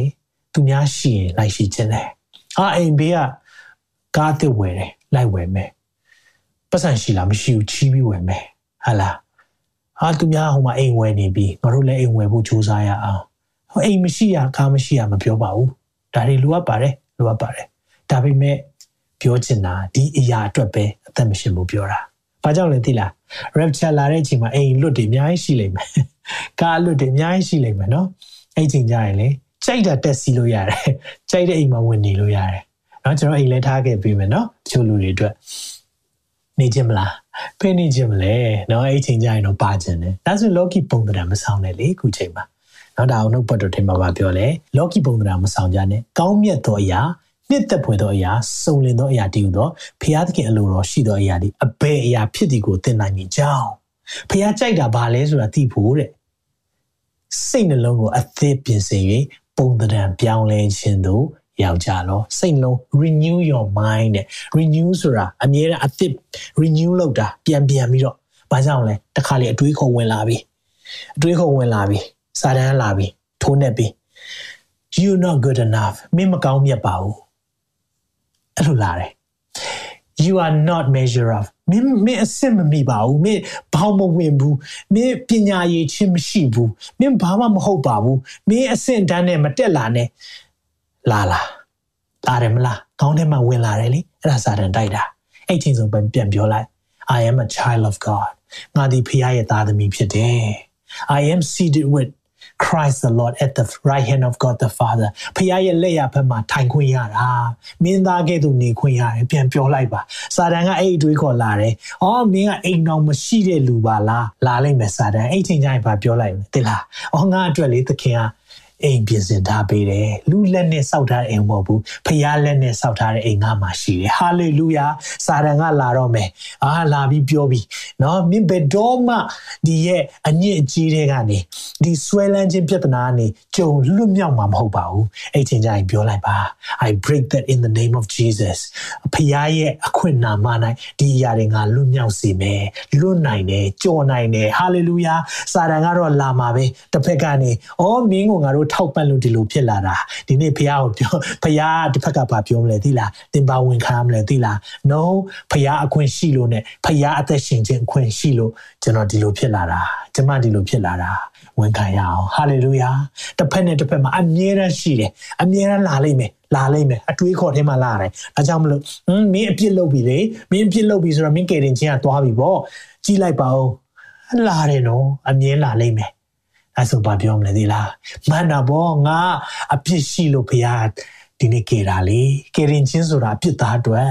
ဒါကြောင့်အပြစ်မှန်တယ်ဒါပေမဲ့ငါဖရားနာမနိုင်ဖရားရှိမှငါပြန်တောင်းပန်မယ်ဖရားရှိမှငါပြန်ဝင်ချမယ်ဖရားခွန်အားနဲ့ငါပြန်သွားမယ်ဟာလေလုယာမိတ်ဆွေဒီနေ့အဲ့အတွေးနဲ့ပဲလာတိုက်မှာအဲ့အတွေးနဲ့ပဲလာတိုက်တယ်အခုကျွန်တော်တို့ကတိုက်လာတိုက်တာပေါ့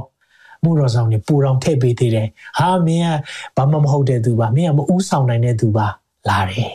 ဘာမှမဟုတ်တဲ့သူပါနော်အဖေမျိုးလာတယ်ဟိုနေရာဆိုလည်းလာတယ်နော်မထင်ထားတဲ့လူတွေကလည်းစာစာလာပို့လာတယ်အဲဒါလေးနားထောင်ကြည့်ပါတဲ့ကျန်းစာဖတ်တတ်သွားမယ်တဲ့လာတယ်စာရန်လာတယ်ဒီလိုလာတာတွေးခေါ်နေလာတာ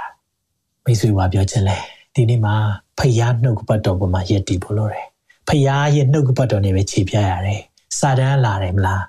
မုတ်တွေ့မုတ်စားခြင်းနဲ့ဗိုက်စားတယ်ဆိုသိတယ်ကြောက်ခဲကိုတွေ့လားမုတ်လုတ်စားလေမုတ်ဖြစ်အောင်လုပ်လိုက်လေဘာပြန်ပြောရမလဲလူဟာမုတ်အားဖြင့်သာအသက်ရှင်တာမဟုတ်ဘူးဖခင်ရဲ့နှုတ်ကပတ်တော်အားဖြင့်သာအသက်ရှင်တယ်ဟာလေလုယာကျွန်တော်သက်တာမှာအဲ့လိုဝန်ခံဖို့လိုတာကျွန်တော်ရဲ့သက်တာမှာစာတန်ကလာမှာဟေးကြည်လေတင်းရဲ့ခြေကိုကြောက်နေမထိခိုက်စေခြင်းကကောင်းကင်တမန်နေချီမမယ်ဆိုဒါကြောင့်မလို့ခုံချလိုက်လေ ယေရုရှလင်ဗိမာန်တော်မှာခုံချစာတန်မြောက်ပေးတယ်။ဘာနဲ့ပဲမြောက်ပေးလဲ။တမန်ကျမ်းစာကိုသုံးပြီးတော့မြောက်ပေးတယ်။အဲကြောင့်ကျွန်တော်ပြောပြမယ်။နှုတ်ကပတ်တော်ပြန်ပြောတိုင်းဖျားလူမဟုတ်ဘူးနော်။နှုတ်ကပတ်တော်တွေနဲ့လာပြောတိုင်းဖျားလူဟုတ်ချင်မှဟုတ်လိမ့်မယ်။စာတန်လည်းနှုတ်ပတ်တော်ကျွမ်းတယ်လေ။ကောင်းကောင်းသူအဲ့ဒီရဲ့နှုတ်ပတ်တော်ပြန်ပြောတယ်။ဒါမဲ့ဘာပြန်ပြောရလဲ။သင်ရဲ့ခြေကိုကြောက်နေမထိခိုင်ဘယ်ဖះနှုတ်ပတ်တော်ယူထားရလဲ။ စာလံ61တချို့ယုံကြည်သူတွေဘယ်မှမသိဘူးစာလံသိတယ်နော်ဒါပေမဲ့ဘာပြန်ပြောရလဲသင်ရဲ့ဖခင်သခင်ထာဝရဘုရားကိုစုံစမ်းမပြူရဘူးဟာဒါဆိုတိုင်းနိုင်ငံနေပြတယ်ငါ့ကိုကိုးကွယ်လေအားလုံးပေးမယ်နေချမ်းစာပြောတယ်နှုတ်ပတ်တော်လာတယ်ဖခင်ကိုပဲတတ်ရှင်သောထာဝရဘုရားကိုပဲကိုးကွယ်ရမယ်ဟာလေလုယာဘာနဲ့ပဲပြန်တိုက်ရလဲ နှုတ်ကပတ်တော်နဲ့ပဲပြန်တိုက်ရတယ်။အဲယုံကြည်သူများကိုဒီနေ့မှာကျွန်တော်တို့ကလက်နဲ့တတ်ဆင်ပေးတာ။လက်နဲ့တတ်ဆင်ပေးထားတယ်။တမာတရားရှိထားရင်အတွေးခေါ်လာတဲ့အခါမှာ no အမေကဒီယောဂနဲ့သိမှာပဲ။အပြန်ပြောလိုက်။ပြက်လို့လာရင်ပြန်ပြောလိုက်။ကိစ္စမရှိဘူး။ငါမသေးရသည်အသက်ရှင်၍ထာဝရဘုရားရဲ့အမှုတော်ကြားပြောရအောင်မီ။ဟာလေလုယာ။လာတယ်။ဟာလေလုယာဘာမှမတတ်ပါဘူးခွန်အားမရှိဘူးငါ့ကိုခွန်အားနဲ့ပြည့်စုံစေတော်မူသောခရစ်တော်အပြင်ခတ်သိမ်းသောအရာငါတတ်ဆွမ်းတယ်အာမင် စာတန်အတွေးခွန်နဲ့လာထည့်ပေးတယ်မင်းအသက်ကြီးနေပြီဒီနိုင်ငံရောက်တဲ့အခါမှာမင်းအသက်ကြီးနေပြီဘာမှပညာတတ်တာမဟုတ်ဘူးသာရဖျားကိုကြောက်ရွံ့ခြင်းသည်ပညာရေးအချုပ်ချဖြစ်၏သာရဖျားကိုကြောက်ရွံ့ဖို့ဒါမှမကြောက်ရွံ့အောင်လှုပ်ချင်တာလှုပ်အောင်ထည့်ပေးတတ်တယ်အဲ့ဒီတွေးခေါ်တွေဒါဆိုနေ့စဉ်နဲ့ညဘလို့ကာကွယ်မလဲကျွန်တော်အချက်၃ချက်နဲ့အဆုံးသတ်ခြင်းနဲ့တန်ခမောက်လုံးကိုနေ့စဉ်ဘလို့ဝတ်ဆင်ရမလဲနံပါတ်1နှုတ်ကပတ်တော်နဲ့ဖြည့်ပါနှုတ်ပတ်တော်နဲ့ဖြည့်ပါတက်တာမှာနှုတ်ပတ်တော်ကြီးဖြည့်ပါ ဘာကြောင့်နှုတ်ပတ်တော်ဖြည့်ခိုင်းတာလဲယောရှုတိရှင်မှာဒီလိုပြောတယ်ထိုပြည့်နဲ့တိကျမ်းစာ၌ရေးထားသမျှသည့်အတိုင်းနော်မောရှေရေးတဲ့ငါးချမ်းအောင်ပြောတာဒီရဲ့အရာတွေကိုတောင်းတဲ့ထိုပြည့်ညက်တည်ကြံဆိုဘုရားကြိုက်တာမကြိုက်တာတွေပြောတဲ့အရာအလုံးကိုရေးထားသမျှကိုကြင့်မီဟုစောင့်ရှောက်ခြင်းအလုံးငါကျမ်းစာကိုဘာလို့ဘာလို့ပြောလဲမဖတ်မရွတ်ပဲမနေနေညမပြတ်ကြည်ရှုဖတ်ရရမည်မဖတ်မရွတ်ပဲမနေနေညမပြတ်ကြည်ရှုဖတ်ရရမည်တို့ပြုလေ တင်ဒီဘာဖြစ်မလဲအကြံထမြောက်၍အောင်မြင်မယ်တခါလေလာတယ်နော်အမှုတော်ဆောင်တွေကဒါတွေချက်စရာမလိုဘူးလေအခုအရင်တော့သူတို့ချက်တယ်ဆိုတာဖုန်းမှမရှိတာအခု Google ရှိတယ်အကုန်ရှာလို့ရတယ်ဘာမှချက်စရာမလိုဘူးတဲ့ဟာလာတယ်အမှုတော်ဆောင်လို့ပြောတဲ့ဟာတွေပဲအဲ့လိုလာတာအဲ့လိုဆိုမိတ်ဆွေဘာပြောမလဲအော်ဟုတ်တာပဲနော်ငါတို့ Google မှာရှိတာပဲဖုန်းထဲမှာရှိတာပဲချက်စရာပဲလို့မှလည်း ချက်တာပြောတာမဟုတ်ဘူးနှလုံးသွင်းတာကိုပြောတာနှလုံးသားထဲမှာရှိနေတဲ့အရာတွေကအဲ့ဒီအချိန်မှာပြန်ပြောဖို့ထွက်လာလိမ့်မယ်မျိုးစိတ်ကြနေရင်ပြန်ထွက်လာတယ်နှုတ်ပတ်တော်မျိုးစိတ်တွေအထဲမှာရှိလားရှိရင်တင်းရဲ့နားမှာလူတစ်ချောင်းတင်းလက်အဖက်မှာလူတစ်တောင်းလဲတော့လဲတင်းကိုမထိခိုက်ဘေးကပြဿနာတွေနဲ့အခုပတ်ဝန်းကျင်လမ်းဘေးမှာဖြစ်နေတဲ့အရာကိုတခြားလမ်းထဲမှာတော့ကိုရိုနာကြောင့်သိနေပြီ ဒါပေမဲ့အမြင့်ဆုံးသောဖခင်ရဲ့ကွယ်ကာယဌာနမှာနေတော်သူဟာအနန္တတကုရှင်ရဲ့အရေးကိုခေါ်ရလိမ့်မယ်ထာဝရဘုရားငါခိုလုံရငါရေးတိုက်ငါကူးစားသောဘုရားသခင်ဖြစ်တယ်ဒီအရာတွေသင်မသိထားအောင်ဆိုဘယ်လိုလုပ်မလဲဥပ္ပတော်နဲ့ဖြည့်တယ်သူဒီငါ့ကိုချစ်တော်ကြောင့်သူ့ကိုငါကင်တော့မယ်ငါ၏နာမကိုတည်တော်ကြောင့်သူ့ကိုငါချီးမြှောက်မယ်သူဒီငါ့ကိုခေါ်သောအခါငါထူးမယ်ဒုက္ခခံရသောအခါသူ့ဘက်မှာငါနေချမ်းသာပေးမယ်သူ့ဘုံကိုလည်းထင်ရှားစေမယ်ကျွန်တော်အမေကအရင်တော့ဆိုဘယ်လိုကြက်ခိုင်းလဲသိလား ကိုနာမည်နဲ့ကြက်ခိုင်းတာကင်းဒီအဲ့လိုလာတာကင်းဒီငါ့ကိုချစ်တော်ကြောင့်ကင်းမငါခင်တော့ပြီငါ၏နာမကိုတည်တော်ကြောင့်ကင်းမငါချီးမြှောက်မယ်ကင်းဒီငါ့ကိုခေါ်တော်အခါငါထူးပြီဒုက္ခခံရသောအခါကင်းပတ်မှာငါနေနှုတ်ကပတ်တော်နဲ့ကိုယ်နဲ့ကိုချိတ်ပေးအောင်အမေကလိုသင်ပေးခဲ့တယ်အဲ့လိုသင်ပေးတဲ့အခါမှာဒီနှုတ်ကပတ်တော်တွေကအခုအသက်ကြီးမှကြည့်ရင်မရချင်တော့ငယ်ကလေးကချက်မှတ်တဲ့အခါမှာဒီအရာလေးတွေကအသက်ရှင်လာတယ် နှုတ်ပတ်တော်နဲ့ဖြည့်တယ်ဆိုတော့အအောင်ပြောတာအခုချိန်နဲ့အများကြီးငယ်တော့လို့မမှတ်မိတတ်တော့ကျန်းစာတွေဆီယမနဲ့အလွတ်လိုက်ကြက်တယ်ခါလေးခက်ခဲတယ်ဒါပေမဲ့အဲ့မျိုးစိလေးတွေကတခါလေးမှကောင်းထဲမှာထွက်လာတယ်ပြန်ရှာတယ်နှုတ်ပတ်တော်ထဲမှာပြန်လာတယ်အဲ့ဖျားလေကျွန်တော်တို့ကိုနေညမပြတ်ကြည့်ရှုဖတ်ရဖို့လိုရှိတယ်အဲ့ဒီသူတွေအကြံထမြောက်ပြီးအောင်မြင်မယ်ဂတိပါပေးထားတာနော် ဖျားနှုတ်ပတ်တော်နဲ့ဖြည့်ပါအဲ့လိုဖြည့်လာတဲ့အခါမှာတခြားနေရာအတွက်နေရာမရှိတော့ကောင်းထဲမှာကိုရီးယားကစဉ်းစားမဲ့အချိန်မရှိတော့ဘာလို့လဲ MWTV နဲ့ no further တွေလိလာတယ် hallelujah အဲ့လိုသက်သေခံချက်တွေထွက်လာတယ်နော်ခွန်အားယူစရာပဲအားရစရာပဲဒီနေ့နှုတ်ပတ်တော်နဲ့ဖြည့်အချိန်မရှိဘူးအဲ့ဒီလူကတိတ်မအောင်သင်အားနေတယ်ဟုတ်လားပြင်းနေတယ်ဆိုရင်တခုခုလိုနေတယ်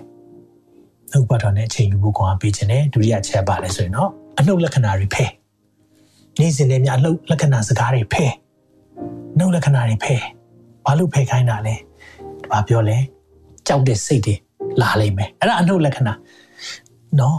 လန့်တဲ့စိတ်တွေစိုးရိမ်စိတ်တွေမလာဘူးလားလာတာပေါ့ဒီနေ့အဲ့ဒါတွေကိုဘယ်လိုလုပ်ရမလဲ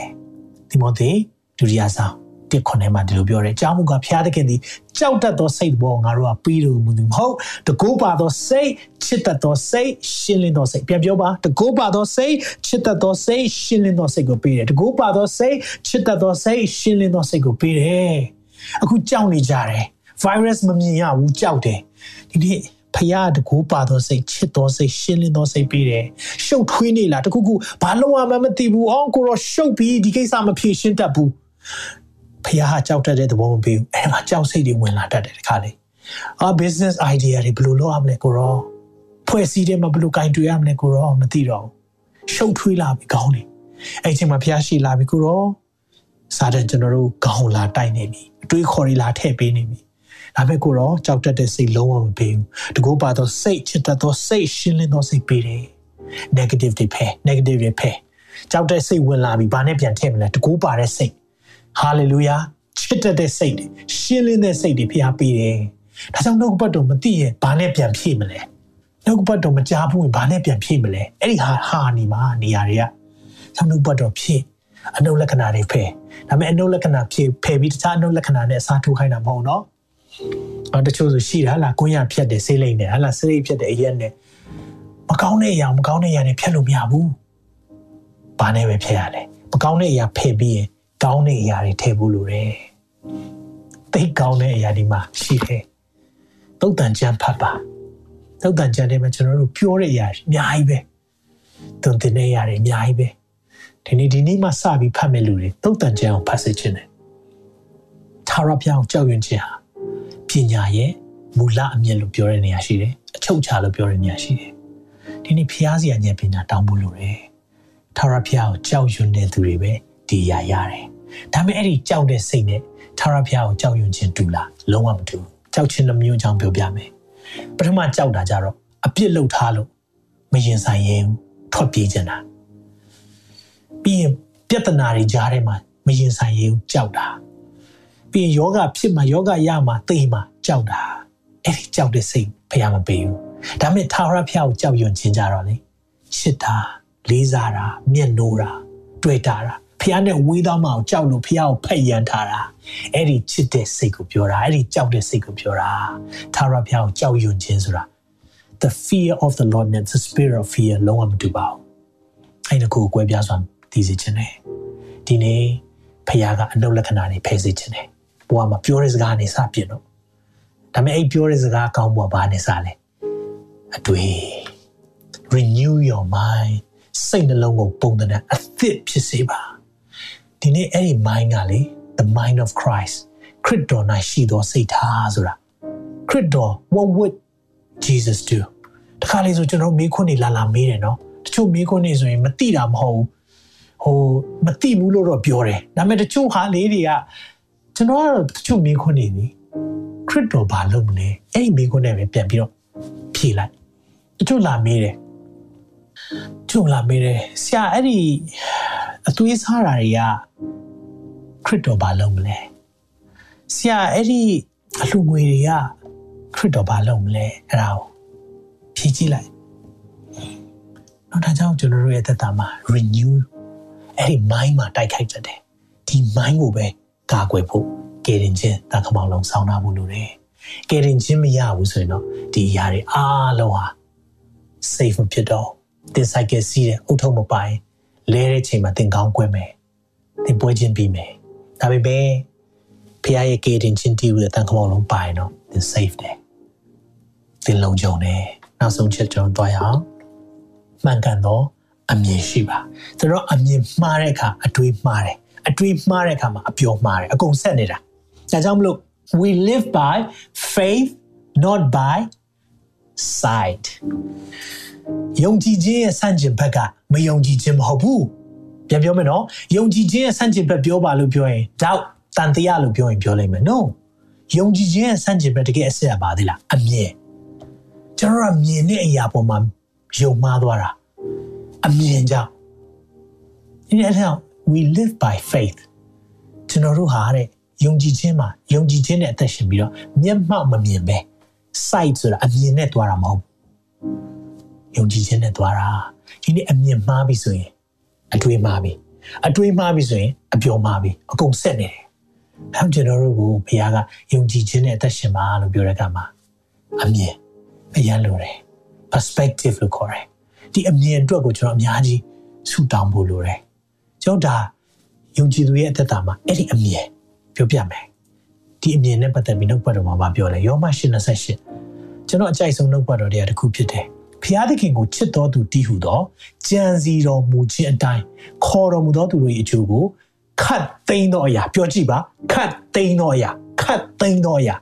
တို့ဒီတညီတညွတ်တဲ့ပြုစုကြသည်ကိုငါတို့သိကြ၏အဲ့ဒီခတ်သိမ်းသောအရာထဲမှာကောင်းတာပဲလား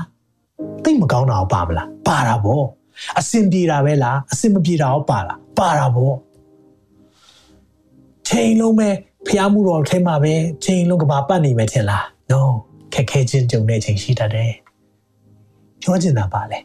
ခတ်သိမ်းတော့အရာတညီတွညွတ်တဲ့အကျိုးပြုတယ်ဒီနှုတ်ပတ်တော်ကျွန်တော်ဖျားကျွန်တော်ဖွင့်ပြတယ်ဘာကိုပြောချင်တာလဲတချို့အရာလေမိတ်ဆွေတင်လက်ရှိကြုံနေရတဲ့ဟာလေတိတ်ခက်ခဲတယ်နော်ဖះအောင်မင်းကိုအများကြီးထုတ်မဲ့အရာတွေပေါ်လာနိုင်မယ်ဖះရှိသေးရဲ့လားကိုတော့ဘာလို့ခွင့်ပြုတာလဲဒီအရာတွေကိုတော့ကျွန်တော်ကိုပြစ်သွားပြီလားကျမကိုဆွန့်ပစ်သွားပြီလားတင်မင်းကိုမေးတဲ့အချိန်ရှိလိမ့်မယ်အဲ့လိုအချိန်မှာ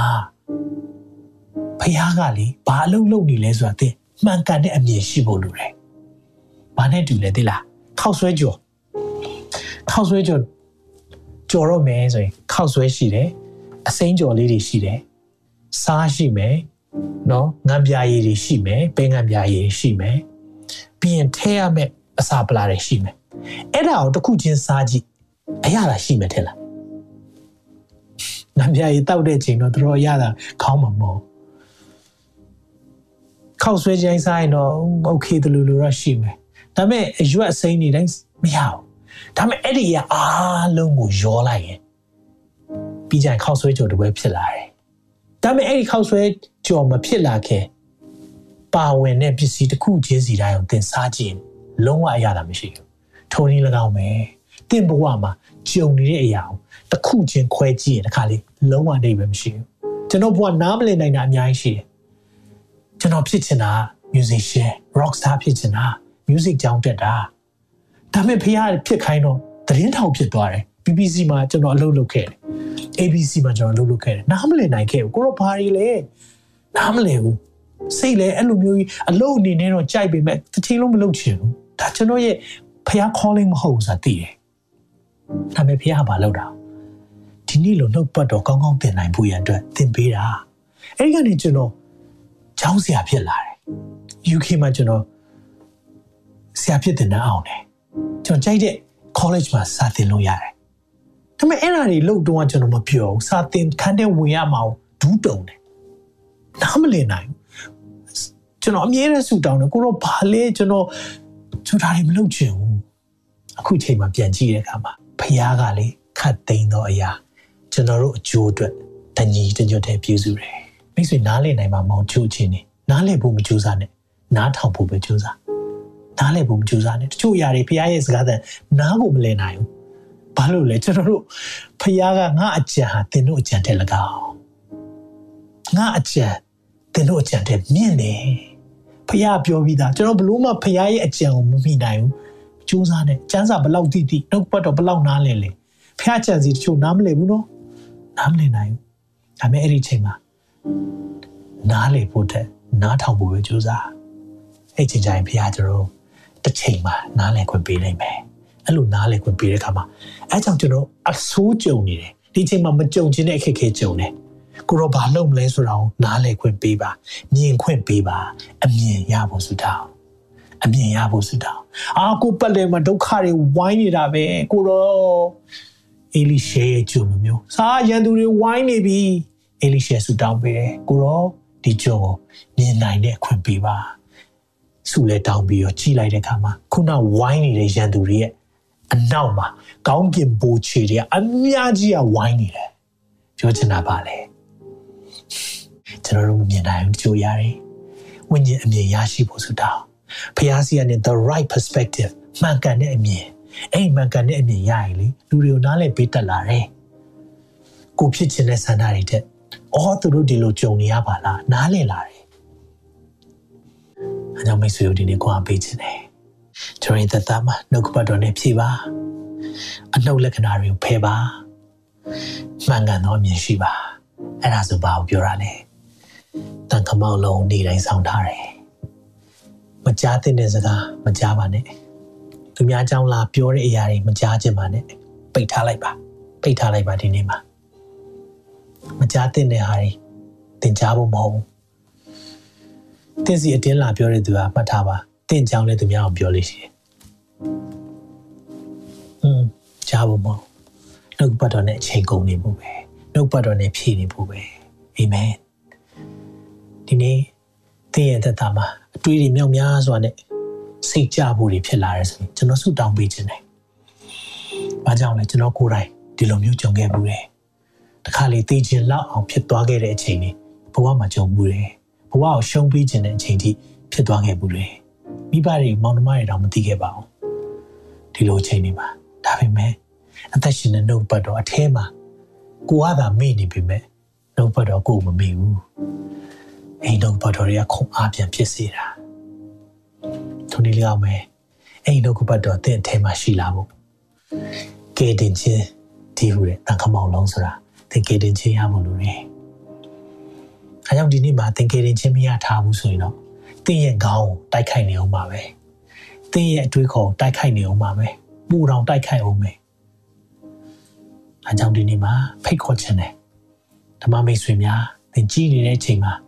သင်နှလုံးသားထဲမှာတကူခံစားရတယ်။ဒီအသက်ရှင်တဲ့ဖခင်ကိုမိဆန်းကြည့်ခြင်းနဲ့ဆိုရင်သင်ကိုခွင့်ရပေးခြင်းနဲ့ယုံကြည်သူများလည်းရှိနေပေးပါ။ဆုတောင်းနေပါ။ဒီနေ့မှာအရေးကြီးဆုံးအချိန်ဖြစ်တယ်။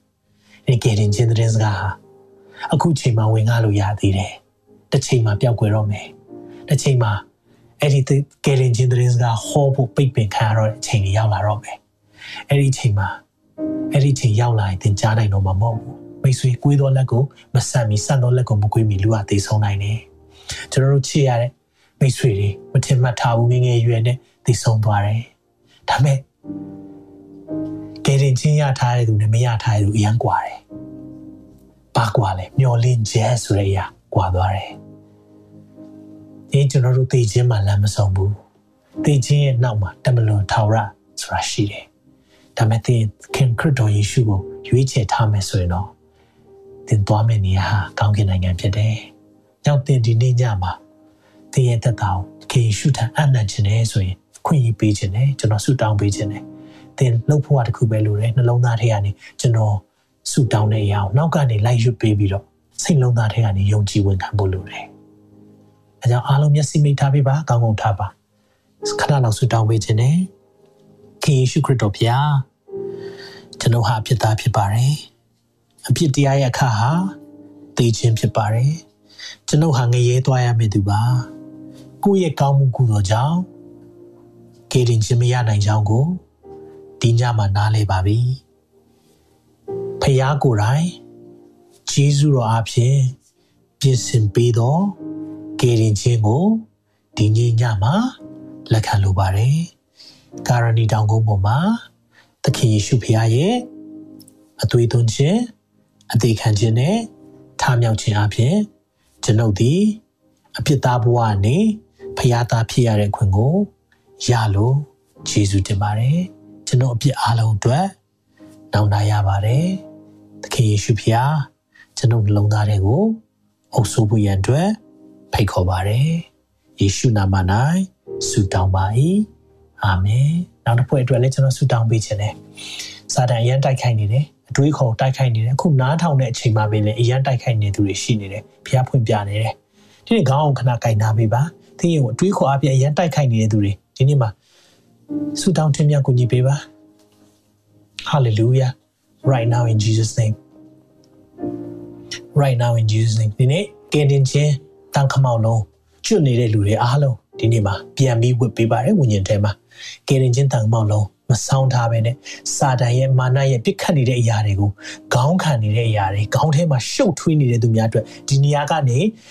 ဆူတောင်းပေးတယ်လေလိုင်းထဲမှာဖြစ်ပေမဲ့အသက်ရှင်သောထာဝရဘုရားတိုးထိနိုင်တယ်ဆိုတော့ယုံကြည်တယ်အဲကြောင့် right now in Jesus name I command right now Satan get off right now get your hands off right now သင်ရဲ့လက်ကိုရုပ်သိမ်းပါသင်ရဲ့ပေးနေတဲ့အတွေးခေါ်မှားတွေမမှန်ကန်တဲ့အတွေးခေါ်တွေပေးထားတဲ့အရာအလုံးခံတက်အဖြစ်တိဆောက်ထားတဲ့အရာအလုံးကိုဒီနေ့နှုတ်ကပတ်တော်ဝိညာဉ်တော်ဓာအေဝံဂေလိသတင်းစကားနဲ့ခြေဖြတ်တယ်ခြေဖြတ်တယ်ခြေဖြတ်တယ်ဒီနေ့ခေါင်းထဲမှာတွေးခေါ်မှားတဲ့အရာအလုံးခံတက်ဖြစ်နေတဲ့အရာအလုံးကိုဝိညာဉ်တော်ဖခင်ရဲ့တကူအားဖြင့်ယေရှုနာမ၌ဖြည့်ခြေဖြတ်တယ်ခြေဖြတ်တယ်ဒီနေရာမှာတန်ရှင်းသောဝိညာဉ်တော်ဖခင်ဒီ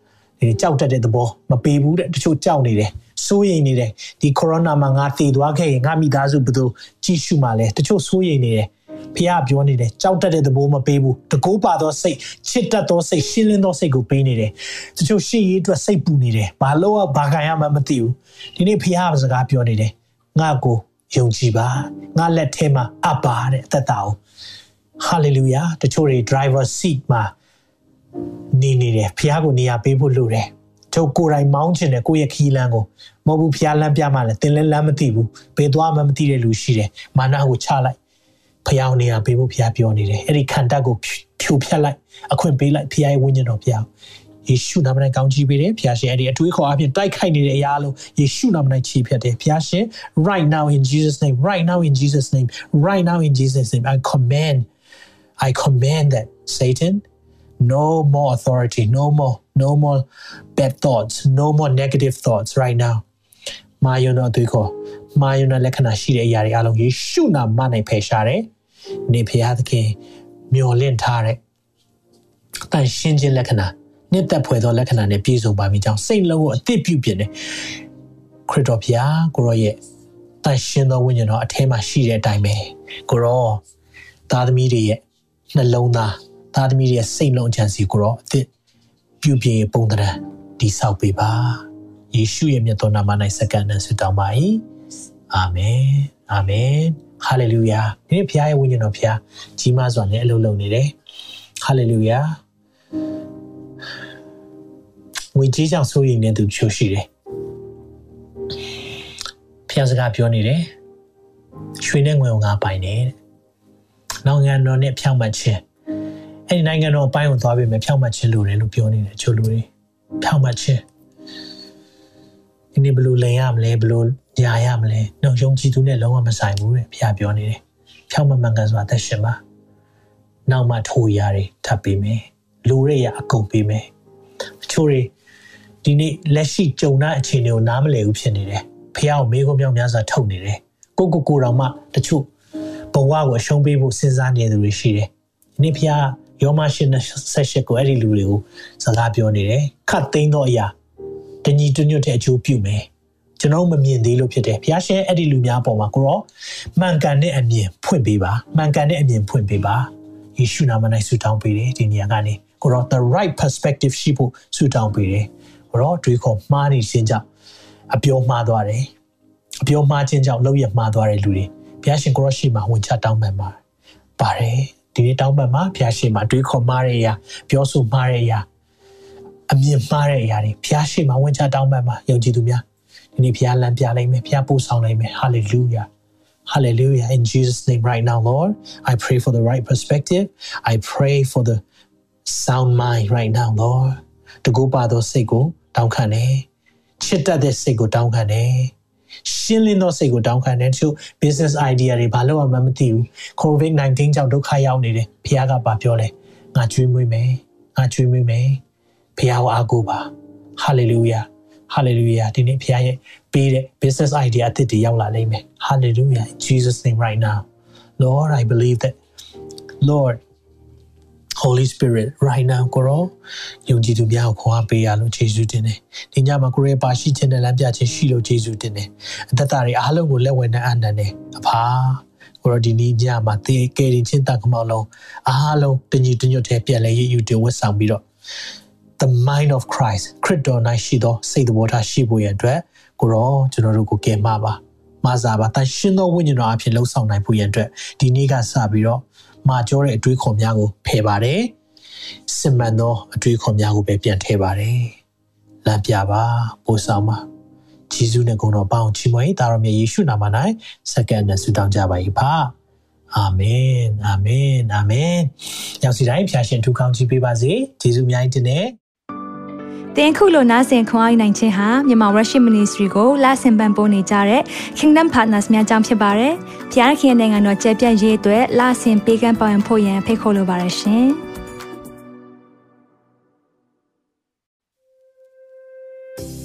။အခုကြားနာခဲ့ရတဲ့နှုတ်ပတ်တော်အဖြစ်ခွန်အားရရှိမဲ့လို့ယုံကြည်မျှော်လင့်ပါတယ်။ခွန်အားရဆိုလို့ရှိရင်ဒီတစ်ပတ်နဲ့ပြန်လည်ဝင်မြပေးဖို့ရန်တောင်းဆိုပါရစေ။ Myanmar Worship Ministry ရဲ့ website myanmarworship.com ကိုလည်းလာရောက်လေ့လာဖို့ရန်အတွက်ဖိတ်ခေါ်ချင်ပါတယ်။တစ်ချိန်တည်းမှာ Myanmar Worship Ministry ရဲ့ social media platform များဖြစ်တဲ့ Myanmar Worship YouTube Channel, Myanmar Worship Facebook Page နဲ့ Myanmar Worship Instagram များကိုလည်းလာရောက်လေ့လာဖို့ရန်အတွက်ဖိတ်ခေါ်ချင်ပါတယ်။နောက်တစ်ချိန်မှာပြန်လည်ဆုံတွေ့ကြပါစို့။ဖျားရှင်ကောင်းကြီးပေးပါစေ။